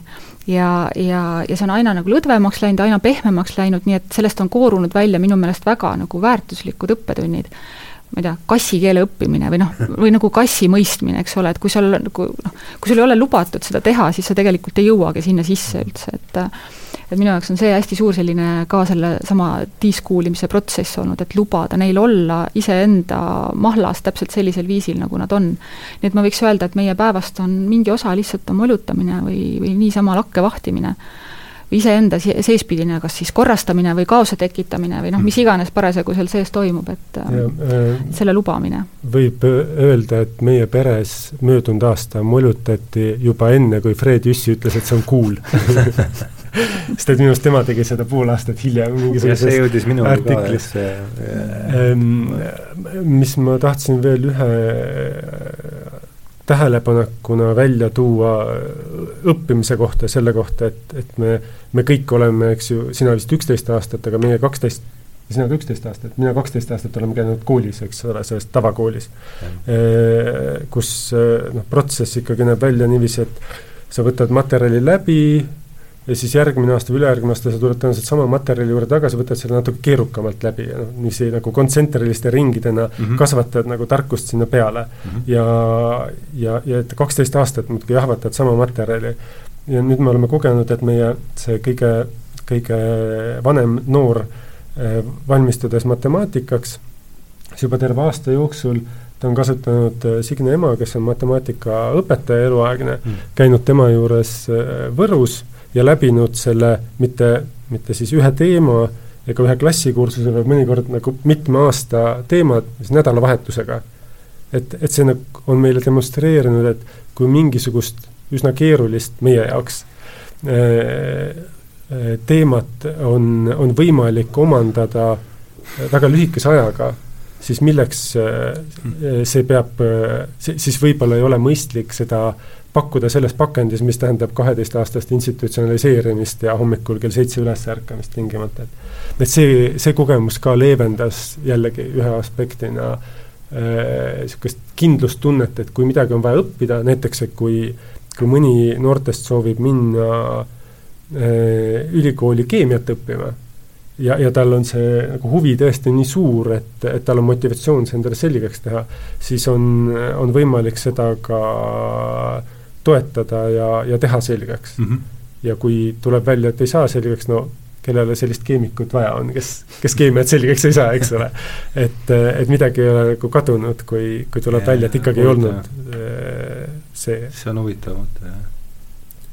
et, et jällegi koge-, kogemus räägib teist keelt kui see, mida see nagu harjumuspärane mõtteviis räägib. No eks on ikka selle, see taga, et õppimine saab, saab toimuda siis, kui on küsimus, see on see, mis ma siit panin endale suurte tähtedega kirja, et see tundub või valmisolek. valmis, no see kõik see enam-vähem, et see haakub mu enda kogemusega ja ja, ja, ja on vist niisugune üldinimlik.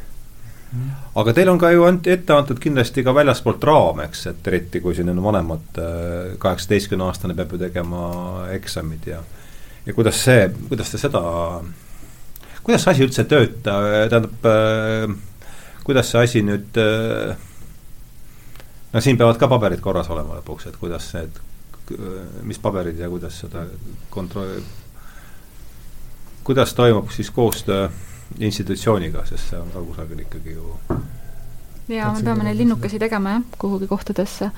Me oleme üsna sellist äh, madalat profiili hoidnud sellega ja, ja mm, Äh, mitte väga sügavale kaevanud, et äh, kui ma no põhimõtteliselt on vaja meil õppekavale vastata, siis me peame -hmm. täitma siis õppekavast tulenevad äh, nõuded ja, ja, ja õppekavas iseenesest midagi halba ei ole, et selles mõttes see kõik on ju noh, mingis mõttes on kirjeldatud loomulikku kasvamisprotsessi, et et kui ma neid kodus õppivaid lapsi või, või elust õppivaid lapsi siis vaatan, siis tegelikult nad täidavad need küll ja kuhjaga. Aga, aga linnukeste tegemine käib siis niimoodi, et meil on antud äh, vorm ette ja siis me ise siis märgime, et kas nad on siis õppinud äh, ära geograafias selle, selle ja selle või siis ei ole õppinud ja, ja ega keegi seda otseselt kontrollima ei tule. et meie viis on olnud siiamaani äh, teha sellist äh, poolaastast siis korra mm, pildi kokkuvõte ja, ja siis panna nii-öelda sellesse, vaatame oma telefonis, scroll ime läbi pildimaterjali ja vaatame, et noh, näe, siin me käisime seal, käisime seal Kundas ja tegime seda ja siis äh, näed, täidab selle, enam-vähem selle õppekava punkti siis ära. et me mhm. nii-öelda paneme siis tagantjärgi kokku need, need ähm, nõuded ja, ja tegelikkuse mm. -hmm. et see kapotialune pool on siis see, et et me oleme ühe Tartu kooli juures äh, nagu nii-öelda nende hingekirjas ja ametlikult äh, koduõppel äh,, isejuhitud koduõppel ja, ja nemad siis äh, toetavad seda, et äh, et meil on nagu nii-öelda formaalselt siis Haridusministeeriumi silmis võimalik äh, tõestada, et, et laps on äh, mingisuguse endale siis õppekava järgselt eakohase sisu läbinud. Äh, meie siis need vahetult õppimise eest vastutavate inimestena kinnitame, et see niiviisi on, äh, kogume tõendusmaterjali siis piltidena ja, ja noh, nii, nagu see võimalik äh, on, kas siis, kui ta on teinud ise mingi töö või kui me käisime kohapeal, et me ei saa reprodutseerida seda, mis me käisime äh, Toolse linnuse juures, et me ei salvestanud, mis me seal rääkisime, aga aga me päriselt rääkisime, et mis funktsiooniga see ehitis seal siis on mm. -hmm. aga, aga see ei, see kahtlemata ei tähenda seda, et äh, nagu me oleme näinud, et kui klassid käivad äh, metsas ekskursioonil, siis õpetaja ütleb, et äh, ära torma ringi, vaid kuula, mida äh, instruktor räägib. et, et me reeglina need õppimised käikude raames toimuvad nii, et, et me arutame omavahel, et mis värk on ja siis noh, näeme, et, et on tore, kui keegi jääb kuulama ja, ja, ja nad jäävad kuulama, kui on, kui on huvitav jutt, kui ei ole oluline jutt, siis, siis me püüame ise ka mitte seda üldse rääkida. aga ühesõnaga, et, et me oleme institutsionaliseeritud nõrga, nõrga, nõrga sidemega, mis siis ka siis kooli poolt on nagu toetus, et et me tegelikult ühiselt vaatame selle õppekava punktid läbi, selgitame, et mis me oleme teinud iga selle vajaliku teema juures ja, ja koolipoolne koordinaator siis küsib, küsib täpsustavaid küsimusi, et, et tema poolt oleks ka kindlustunne, et et kui äh, mingil hetkel tõesti peaks äh, ministeeriumi ametnik küsima, et kuidas need, mille alusel need lapsed on ikkagi üle viidud järgmisesse klassi, et siis, et siis seda on ikkagi võimalik tõestada, et me ei ole päris, äh, päris nagu põrandaaluses õmblustöökojas hoidnud neid aasta aega, vaid et me reaalselt on toimunud on toimunud tegevused, eks ju, kui öelda bürokraatlikus keeles, eh, mis, mis on toetanud tõenäoliselt millegi õppimist. töötab ikkagi usalduse, usalduse see toetab Jaa, usalduse, aga kontrollipõhiselt ka, et, et nagu ma, ma toonitan, et et me registreerime õppimise eh, formaalselt, meile endale sobiks ka see, kui me ei peaks seda tegema, aga, aga siiamaani on olnud eh, nagu aktsepteeritav ja mõistlik, kuna me ei taha ju ka äh, minna kuidagi pahuks siis äh, seadusega, et, et on olnud äh, nagu noh, sobilik seda teha, mõnikord see on isegi, isegi nagu tore. see on olnud sageli lihtsalt nagu tagasivaade sellele, et mis on meie viimane poolaasta tegemised olnud ja, ja kus me oleme käinud ja ja samas näiteks äh, lastele selline formaat, äh, ehk siis et nad peaksid aru andma sellest, mida nad teinud on, äh, üldjuhul ei sobi. et noh, see, see ei ole nende jaoks loomulik protsess, et nad peaksid eneseanalüüsiga tegelema. Mhm. et eriti selles vanuses, et lihtsalt nagu nende jaoks on elu kulgemine ja, ja õppimine on normaalne protsess ja, ja uudishimu on nende nagu seljakotis kogu aeg olemas mm aga et, et, et ta peaks hakkama kellelegi põhimõtteliselt võõrale inimesele nagu tagasisidet andma või, või refleksiooni sellest, et mida ta teinud on, et see tundub nagu kohati niisugune ebaloomulik protsess. nii et see ongi see natuke rohkem meie selline pärusmaa, et et oleme, oleme ise nagu võtnud vastutuse selle eest, et lapsed saaksid vabalt kulgeda äh, omas, omas, omas mahlas. jah, et, et selles maailmas, kus me elame, et meie asi on, et anda neile ikkagi peavarju ja toitu ja kaitsta neid äh, ohtude eest, eh, institutsioon, institutsioonide eest, seal, kus see on praktiline, kus ja, ja vajalik, et, et seda nad noh, sellel eh, isejuhitud õppel, see on üks sõna lihtsalt, mis selle kohta kasutada, on küll väga olulisel kohal õppija enda vastutus ja, ja enda huvi, aga, aga see ei tähenda, et me neid lükkaksime vette iga hommik või siis, kui on vaja aruandlust koostada nii-öelda, vaid, vaid meie asi ikkagi on, on neid kaitsta ja toetada selles, mis, mille tegemine neile huvi mm -hmm. pakub. Kui mahukas on nüüd näiteks noh, võtame see puhtalt näiteks see neljateistkümne aastane, kes ta siin on, et tema õppekava, et kui mahukas see on, on see mingi brošüür või mis kujul see üldse, mis, mismoodi see üldse kõik seal on aine, ainete kaupa minu teada on jah välja toodud need ähm,, Tanel kohe avab selle, et on ainete kaupa välja toodud ja siis on need nii-öelda õpiväljundid või, või see, mida ta peab siis nagu selle aine raames selles vanuseastmes oskama teha ja millest aru saama ja mhm. mida mõistma ja, ja et ähm, ma saan siin ikkagi teise klassi õppekava, ma saan seitseteist lehekülge, kus on niiviisi teemade kaupa siis toodud õpiväljundeid. No näiteks äh, no,? näiteks matemaatika. matemaatika, teise klassi õpieesmärgid arvutamise kohta, siin on mm -hmm. veel mõõtmine ja tekstülesanded, geomeetria on, on siis kolm, kokku kolm kategooriat ja arvutamise kohta on, et loeb, kirjutab, järjestab ja võrdleb arve null kuni tuhat, selgitab arvvõrdluse ja võrratuse erinevat tähendust kasutab arvude võrdlemise sümboleid, see nokk kinni ja nokk mm -hmm. nokk lahti ja võrdub. Eh, ja nii edasi, nii edasi, nimetab kahe- ja kolmekohalises arvus järke, ühelised, kümnelised, sajalised. ja, ja siis liidab ja lahutab peast kahekümne piires. ja nii edasi, korrutab ühte kuni kümmet kahe, kolme, nelja ja viiega, et üsna spetsiifilised õpiväljundid.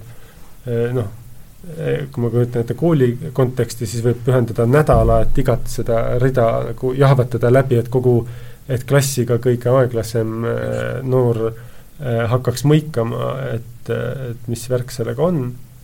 ja, ja noh, meie siin saame kirjutada, et, et laps käib poes ja ta võtab raha kaasa ja ja toob tagasi nagu nii palju raha ja kaupasid, et on näha, et nagu ekvivalent jääb samaks, eks ju. et, et, et see on, noh, näitab, et sai hakkama arvutamisega.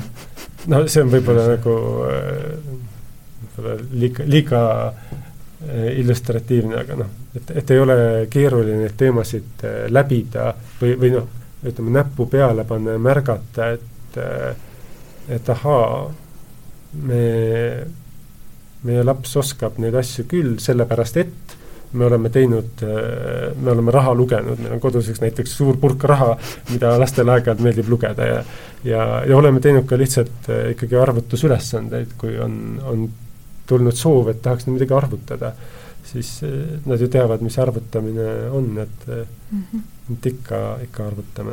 no ja nii edasi, nii edasi, et kehaline kasvatus näiteks, mismoodi see Läheme, läheme kodu uksest välja ja hakkame ronima siin mööda Toomemäe nõlva ülesse mm. -hmm. käime spordiväljakul, käime rattaga sõitmas, käime ujumas ehm,. siis, kui veel möödunud aasta olid spordisaalid avatud, siis käisime spordisaalides eh, sportimas eh,. kah nagu üsna, üsna huvipõhiselt, et, et kui, kui tuleb vajadus. minule meeldib eh, jooksmas käia aeg-ajalt, siis siis mingi aja nad ikkagi kõik jooksid minuga kaasa niiviisi, et kuna tempod on Tanel erinevad, oli ees ja siis viis väikest last jooksid kõik kuna tempod olid erinevad, siis ma käisin mõni õhtu kolm korda jooksmas, et, et nagu erinevate tempodega inimesed üksteist närvi ei ajaks.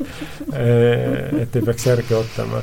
et ja noh, siis kui on ilmad vähegi kannatavad, siis meil on õnn olla maal, kus, kus teadupoolest lapsed ikkagi saavad, saavad liikuda ka vabamalt kui kui siin ja mm, -hmm. ja noh, neil on omad liikumisvahendid, jalgrattad ja rulad, just siin kaks, kaks noort on, on avastanud rullatamise sel aastal, kus me näeme, et see on nagu täi-, noh, täiuslik niisugune keha ja vaimu arendav äh, tegevus, sest et äh, pluss sotsiaalsus, nad käivad Tähtveres rulaväljakul, leiavad sealt uusi sõpru, kes neile näitavad uusi nippe, et on värskes õhus, äh, liigutavad ja kontrollivad oma keha, et ja, ja see on noh, täiesti huvipõhine, ei, ei mhm. ole rulaõpetajat, kes kindlal, kellega oleks kindlal ajal kokku lepitud kindla võtte õppimine, nad lähevad rulaväljakule, teevad seal mingeid asju ja siis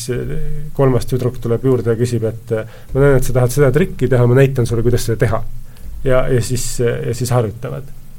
et, et see kõik on hästi, hästi, hästi loomulik, et kindlasti siin on oma roll eeskujudel, et, et kui kui, kui on perekond, kes eelistab ühisel ajal vaadata telekat, siis, siis on ilmselt väiksem tõenäosus, et, et mõnel selle pere alaealisel liikmel tekib impulss, et läheks välja jooksma. Et, et ega, ega need ei saa seda isejuhtimist anda noh, ei saa sellele nagu kõrgemaid ootuseid seada äh, laste puhul, kui, kui täiskasvanute näol eeskujud mm -hmm. on, et, äh, et kusagilt see, kusagilt see ju tuleb, me kõik ju muutume äh, keskealiseks saades omaenda vanemate paremateks või, või hullemateks koopiateks, eks ole, ja noh see, see protsess ei, ei alga mitte keskajas, vaid saavutab oma kulminatsiooni keskajas, keskeas, vabandust. Yeah.. et, et see algab ju juba, juba hällist äh, alates, et äh, et, et seepärast see oleks väga sobilik lõpulause võib-olla öelda kui me peaksime tahtma lõppu jõuda, et et, et kui lapsed õpivad kodus, siis nad õpivad paratamatult neid inimesi, keda nad näevad. Ja kui nad näevad enda ümber äh, täiskasvanuid, keda innustab äh, sisemine impulss teha asju, mis neile lähevad korda, mis neile olulised, mis panevad neid õppima juurde seda, mis on, on vajalik, siis, äh, siis ei peaks muret tundma, et need lapsed ka õpivad ise õppima ja ära tundma, mis on vajalik ja ära tundma seda, mis on ebavajalik mm. -hmm. Ehm, mitte, et ma saaks väita, et, et meie selles mingisugused ideaalsed eeskujud oleme, aga aga, aga selle, selle protsessi nagu alustamine või käivitamine igal juhul pani meid asju nagu teisiti vaatama ja ka iseendale nagu teistmoodi otsa vaatama. Et äh, kuidas ma iseennast kõnetan ja milline minu uudishimu määr on ja mm, -hmm. ja kui palju ma teen äh, iseenda sisemise põlemise ajal asju ja kas ma üldse teen siis, kui mul sisemine põlemine on. et äh, igatahes oli selline iseenda ülevaatamise aeg ja, ja siiamaani on, et, et see on ka ilmselt osa sellest äh, dischoolingu protsessist, et äh, tuleb iseendaga oluliselt ausam olla mm. -hmm midagi veel, see on oluline õpp, õppetund, aga et midagi veel, mis on nüüd sellised, kui meil on siin noh, ütleme, poolteist tundi oleme olnud koos, et et aeg hakata mõtlema selle, et üks, üks hetk saab vestlus läbi ka, et, et kui nüüd mm, lõpupoole hakata seda asja vaikselt suunama, et mis on need, see enese vastu aus olemise aspekt, igal pool oluline siin, siin ilmselt ka, aga et mis veel sellised asjad, mis, mida te sellest pooleteist aastast olete enda jaoks avastanud? no ma arvan, et see ei ole ainult mitte poolteist aastat, vaid nagu kogu elu äh, nii-öelda kõrva taha või, või kuhugi mm -hmm. mõttelised, mõtteliselt tehtud märkused, aga aga mulle tundub, et üks asi, mis praegu ennast nagu hästi lahti koorib, on see, et äh, tegelikult nii palju pole vaja. Et seega, mida, millest ka nagu Illich räägib, et, ähm, et me nagu valame täis või, või soovime nagu hästi palju anda ja muudkui ehitada, ehitada, ehitada, et roh-, justkui mhm. rohkem oleks parem, siis see, mida me ka kogeme, on see, et, ähm, et äh, ma olen märganud, et kui lapsed võtavad näiteks nädalas ühe sellise ühiku, suurema ühiku kuskil käia või kellegagi kokku saada, siis sellest piisab. Et seda, et seda nii-öelda seda alla laadida iseendale, läbi töötada, märgata, et mis siis nagu toimub, noh, ma ei tea täpselt, mis protsessid siis nende sees toimuvad, aga ma näen, et et äh, see settimine võtab jube kaua aega mm. -hmm. ja mulle tundub, et lihtsalt kool nagu tõstab nagu selle vahu üles, aga tegelikult seda settimise aega ja ruumi ei ole üldse mm. -hmm. et äh, see on küll hästi suur õppetund olnud või, või nagu märkamise koht, et äh, tegelikult üldse ei ole nii palju vaja et ähm, et see hirm kõrvale tõsta, justkui millestki ilma jääda ja, ja näha, et äh, tõesti väga vähe on vaja. ja, ja hästi olulised on just need pausid nende, nende tegemiste vahel.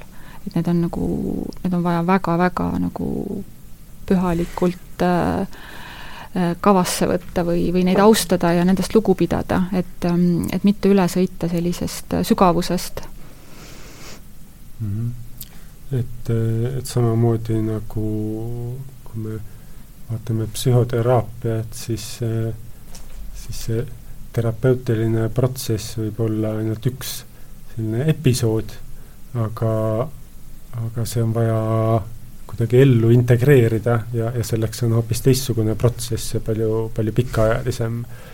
töö ja palju rahulikum töö, kui võib-olla teraapia ise on. et, et selleks peab, peab aega andma.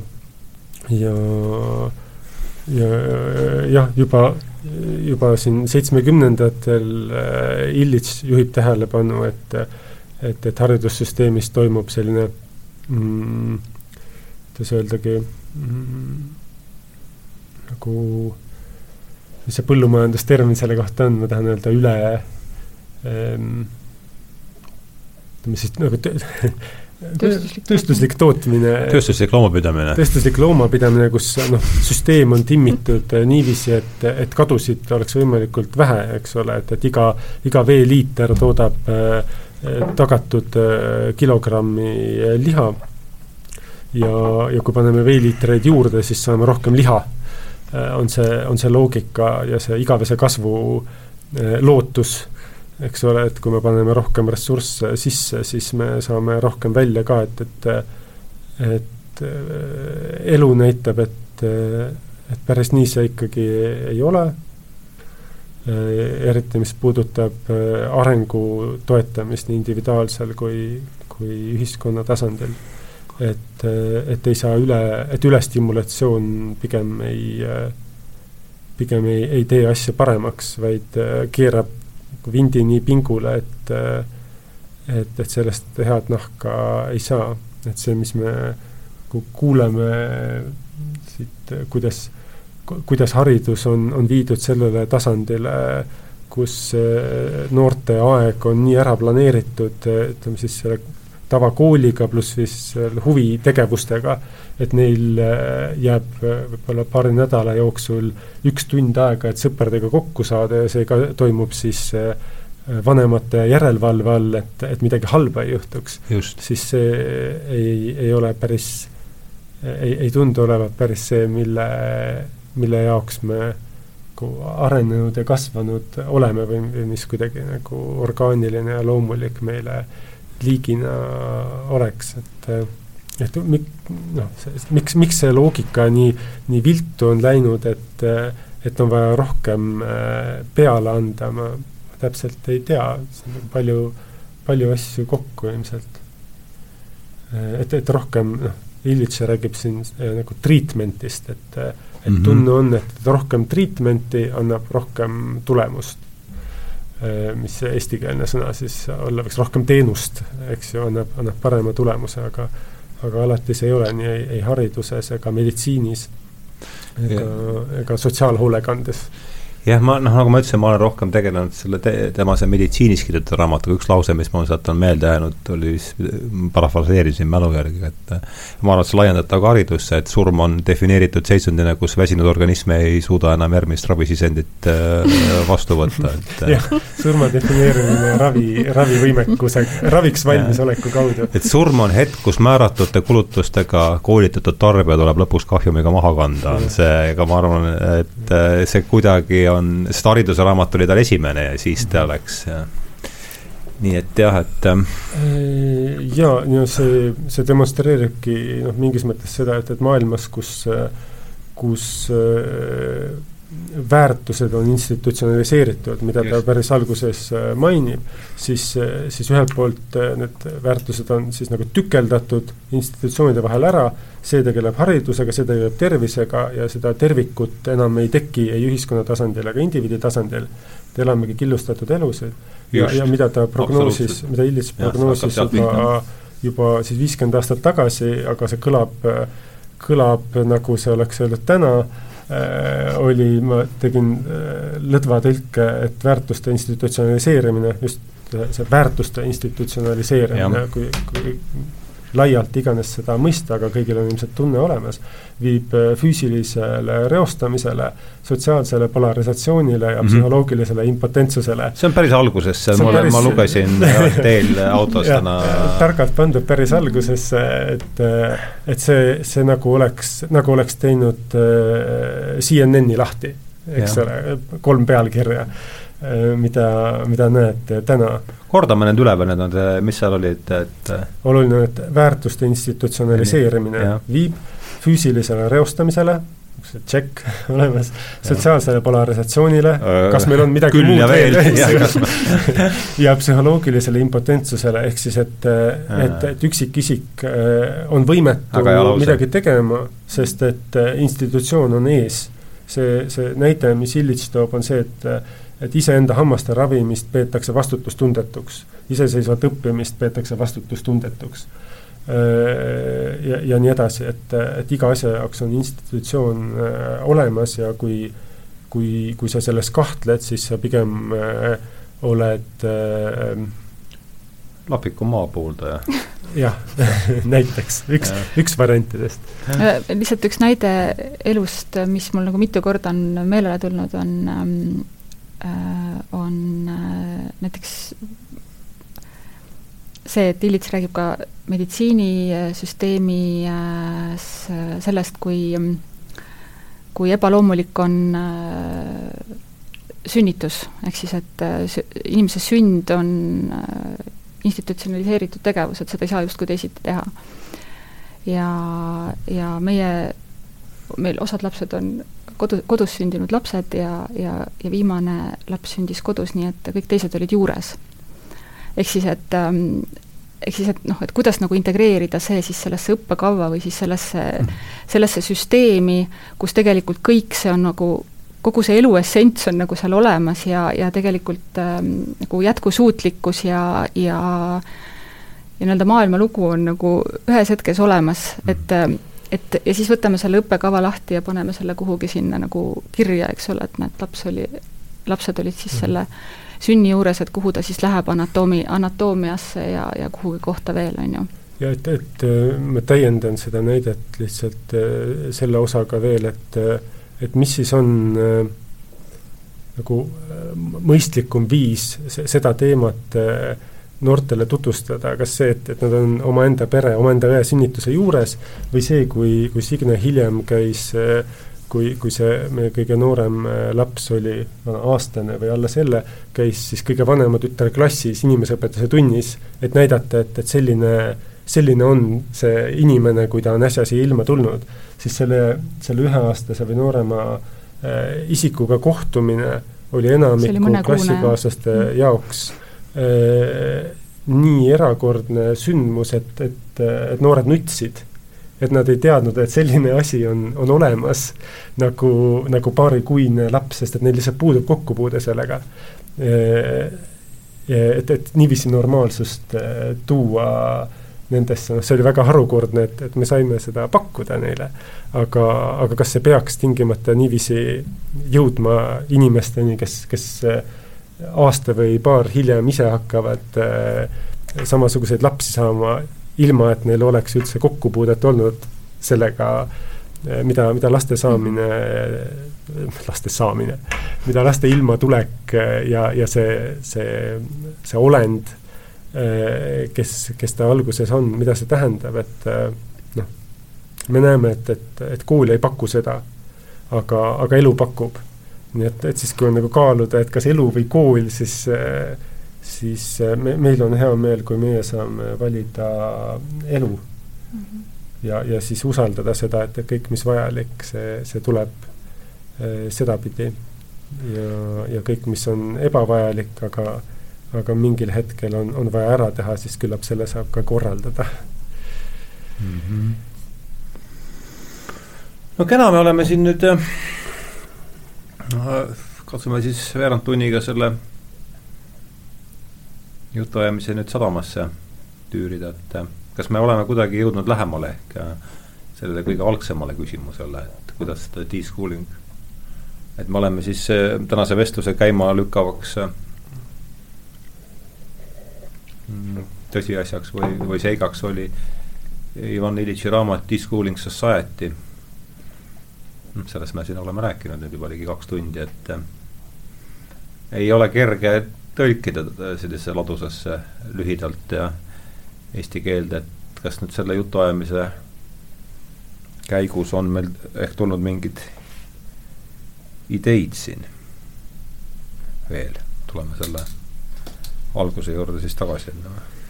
mulle, mulle isiklikult tundub, et noh, noh, debürokratiseerimine pole ka mingi eesti keele sõna, aga see on see iseenesest kena bürokraatlik äh, mõiste. jah, väga kena. debürokratiseerimise protsess. jah, see debürokratiseerimise arengukava. debürokratiseerimise ministeerium aga noh, ma arvan, et sellest bürokraatlikust äh, bürokraat see bürokratiseerimine ja bürokraatia on seal, noh, ma arvan, see, kui me räägime näiteks kahest raamatust, Discooling Society ja, ja, ja Medical Nemesis, et see, see bürokraatlik pool on seal ometi üks, on seal üks äh, oluline komponent, et kas selles suhtes? no bürokraatia, no minu jaoks sõnana Ehm, seostub peamiselt, eks ju, riigiaparaadiga, aga, aga institutsioonid on, on tänapäeval ja olid varemgi noh, mitmekesisemad. et äh, siin äh, Illits ka, ka hoiatab äh, tehnokraatide eest äh, nii, nii nagu riigisüsteemis kui, kui laiemalt ja noh, täna me ju näeme, et äh, et, et tehnoloogilistesse lahendustesse uskuvad inimesed äh, loovad väga suuri institutsioone, mis, äh, mis sageli on äh, eraõiguslikud, ehk siis et kus kus nende piiride paikapanemine, mis, mis haridussüsteemis on toimunud ikkagi, eeldame, et niisuguse ühiskondliku kokkuleppena mingil juhul toimub tänapäeval võib-olla peotee, peotee, käputäie inimeste kokkuleppena või disainivalikuna mm. -hmm. sa viitad, viitad nüüd Silicon Valley sotsiaalmeedia ja need, need no näiteks, näiteks mm, -hmm. et ähm, jah, et, et, et see ütleme, bürokraatia on bürokraatia on justkui see, mis juhtub pärast institutsionaliseerimist, eks, et institutsiooni alalhoide. aga mm, -hmm. aga mhm. institutsioonide loomine kui selline on noh, et, et mis mm, kui ma, kui ma mõtlen nagu tegurite peale, mis, mille, mille tulemuseks on see, et, et meil on nii suured institutsioonid, mis on põhimõtteliselt globaalse haardega, ütleme, et see haridussüsteem on, on nii globaalne, et ta põhimõtteliselt on üle terve maailma ühesugune. aga tervishoiusüsteem tervishoiusüsteem samamoodi, eks ju, et, et usk ja ja, ja poliitiline süsteem võib-olla varieeruvad veidikene rohkem ja, ja sõjavägi ja nii edasi. E, aga, aga et noh, et, et mis põhjustab seda, et, et, et see institutsioonid niiviisi nii pandeemiliselt levivad ja, ja monokultuuristuvad, e, siis, siis mina arvan ikkagi, et see on, et ma, ma ei tea, mis, mis märksõna sellele külge tegelikult panna. ma arvan, see on lääne sõjaline võimekus lihtsalt, et teistel ei jäänud ja, üle no, midagi, nad pidid äh, kopeerima seda, see on, ma arvan, üks äh, punkt, niisugused geopoliitilised äh, aga, aga inimlikumal tasandil sinna saab panna ikkagi märksõna nagu võim mm, -hmm. äh, no, ahnus on Äh, ja noh, mida, mida suurem, seda, seda parem. ja siis see paratamatult tingib selle, et kui sul on hästi suur äh, multinatsionaalne konglomeraat, siis äh,, siis paratamatult need, kes äh, selle toimimise üle otsustavad, need teevad otsuseid väga kaugelt äh, äh inimeste või protsesside või keskkonna suhtes, mida need vahetult puudutavad. ja, ja see institutsioonide äh, ja süsteemide suurus ja, ja mastaap tänapäeval eh, noh, keerab vindi peale veel sellele, millest, eh, millest Illits nagu hoiatab, et Just. aga et kuidas sellest vabaneda või see, või see küsimus on või et, et mis, mis kurss võtta, siis, siis on noh, see on omaette niisugune tunnel nägemise mõistatus, sest et paraku on ju nii, et, et lahenduste jaoks me, tundub, me peame looma uusi institutsioone ehm,. aga, aga raske on, on luua institutsiooni olemasolevate institutsioonide lammutamiseks, kui meil on ainult nagu kogemus nendest institutsioonidest, et me ei saa teha, me saamegi teha bürokraatia kõrvaldamise ministeeriumi, eks ole. Ehm, sest et ehm, et, et raske on, on kujutada ette, süsteemi, mis kõrvaldaks süsteemi. võib-olla tuleb lihtsalt nagu hakata hõimu või kogukonda märkama ja, ja selles no, lihtsalt see, elama ja, ja, ja mitte nagu äh, mitte nagu jahtima sealt väljaspoolt midagi, et see, see, mida me oma kogemuse pealt näeme, et ähm, et kui hõimu märgata ja selle hõimuga nagu koostöös olla, siis tegelikult asjad on nagu päris hästi, et inimeste tervis on korras, needsamad punktid, mis me siis välja tõime, tegelikult äh, toimub äh, füüsilise keskkonna hoidmine, toimub samamoodi äh, psühholoogiline õitsemine või, või iseenda nagu potentsiaali maksimaalne rakendamine ja mis see kolmas seal oli veel, et äh, polarisatsioon ja,. jah, jah, et, äh, et mm -hmm. samamoodi on, äh, toimub mingisugunegi selgus või, või helgus inimestes. et seda me oleme lihtsalt oma, oma igapäevatoimingutes märganud, et ja ja, ja see mingis mõttes äh, ikkagi toimub ju ka, et, et sina lähed praegu Paidesse vestlema, aga mul jäi meelde nendest samadest Paide kõnedest Hassel Korulli maikuu alguse Äh, kõne, mille pealkiri on, et vastastikune abi pole utoopia ja kogukond pole hallutsinatsioon, mis põhimõtteliselt kus see läheb sinna kus ta, kus ta kirjeldabki seda, et, et see tegelikult juba toimub. et, et see, et institutsioonide vastu me mitte ei hakka sõdima, suur instituut, suur Isamaa institutsioonide vastane sõda, Isamaa sõda siis nagu Teise maailmasõja tähenduses, äh, vaid, vaid et äh, rohujuure tasandilt, et kui ja. me kui me leiame endale viisi elamiseks ja toimimiseks, mis äh, ei vaja institutsioone, siis, siis see võib olla see, see ravi, mis, mis ühiskond äh, vajab, et äh, polegi vaja uusi institutsioone, vaid mm -hmm. vanad, vanad elavad oma aja lihtsalt ära ja uusi ei teki asemele. ja, ja noh, lihtsalt mm. lahe on see, et tegelikult me ei pea seda kogukonda või hõimu, me ei pea üldse mitte looma see tuleb lihtsalt märgata, see on tegelikult olemas mm -hmm, kogu, kogu aeg. on see siis, on see siis korteriühistus elavad inimesed, see on tegelikult ka meie hõim, kelle hea käige, käekäigu eest me võime nagu seista ja kelle vastu ja kelle suunal olla head ja lahked ja, ja hoolivad. ja sõbrad ja, ja, ja muud olulised inimesed meie elus, perekond jah, mul tuleb meelde siin see Miikal Raih-, Raichalgaud kirjutas meile, ma ei mäleta, mis lehe, lehenumbris seda meil kirjutas, aga, aga jah, argument oli see, või ta küsi-, uuris, et kas üksindustundel ja, ja polari-, poliitilise polariseerumisel on mm omavaheline seos ja see haakub. tal oli, ta, ta pidas ka ju Paide kõne aga jah, kedagi ei saa teist armastama või andestama sundida, oli see teema, see kõlab, jah, jah, see kõlab nagu natukene see üksistun-, üksi, üksindustunde. ei, see on vene koolidest. Mm. -hmm no kena, aga see on kõik jah, et oluline õppida märkama hõimu ja kogukonda ja ja neid ressursse, mida, mida need hõim ja kogukond pakuvad. et kui me, kui me räägime võimalustest midagi õppida, siis eks see, eks see huvi noortel tuleb ka sellest, et nad, et nad saavad mingi impulsi, noh et, et meil on äh, inimene, meil on, eks ju, kusagil on jaapanlane, siis sellest saab tekkida huvi Jaapani vastu, meil on no see on see küsimuste jah, see oli teine asi, mis ma siin suhteliselt kuskilt see inspiratsioon tuleb, mille pinnalt küsimused tulevad. osad tulevad ka kindlasti kusagilt nii sügavalt, et me ei tea, mis selle põhjus on, aga aga võtamegi siis viimase küsimuse, et et kui nüüd, teile mõlemale sama küsimus, et kui nüüd keegi keegi kuulas siin ja hakkas mõt-, on varem mõelnud, et koduõpe ja et mis oleks esimesed praktilised soovitused inimestele, kes, kes seda võimalust on kaalunud? lihtsalt, mida, mida silmas, noh, me oleme sellest palju rääkinud, aga võib-olla lihtsalt tahate veel midagi üle, midagi üle, üle, üle rõhutada? No kindlasti on, kindlasti see ei saa olla lapsevanema otsus et see selleks, et, et, et noor inimene eh, saaks ise võtta vastutust oma õppimise, kuidas iganes seda nimetada, eest, on, on vaja, et see on tema enda valik. ja, ja siis on hea ka olla nagu hästi kindel tagada see, et, et, et ust ei lööda kinni.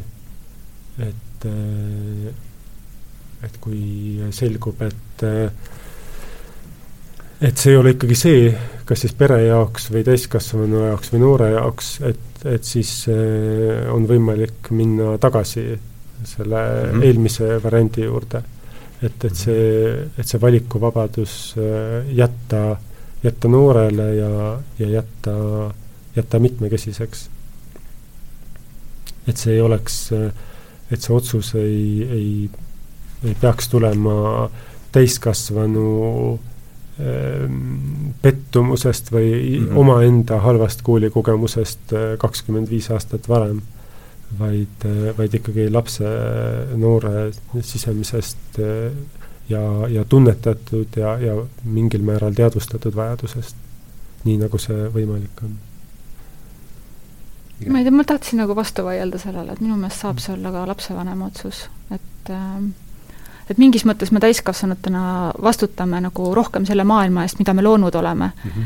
ja, ja põhimõtteliselt meil on nagu ka võimalus tõmmata lihtsalt selle koha peal ühe seinast välja, öelda, et nii, tšurr, ma nüüd nagu lõpetan sellisel viisil toimimise ja ma annan sulle võimaluse ja iseendale võimaluse teistmoodi nagu teha.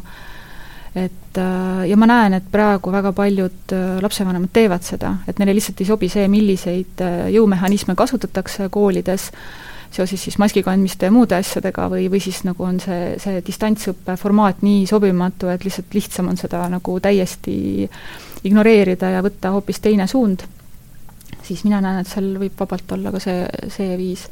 aga mul tuli pigem see tunne, et, et ei, et tõenäoliselt, kui sa nagu istud ja mõtled sellest, siis on mingi alge olemas, aga, aga selleks sada protsenti valmis olla ei ole võimalik mm.. et selles mõttes sa ei saa teada, et nüüd sa astud selle sammu ja mis sind seal ootab, et see on tegelikult täiesti tundmatu maailm. Ja, ja see, mil viisil sa seda maailma siis enda jaoks kirjeldad, et kas sa vaatad seda uudishimulike silmadega või hirmunud silmadega, et see hakkab mm -hmm. seda looma.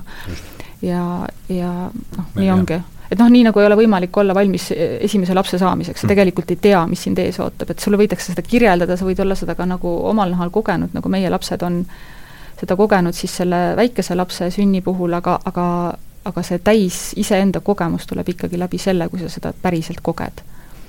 Et sa saad olla või kas siis rohkem või vähem valmis, aga, aga, aga enamus toimub ikkagi töö käigus.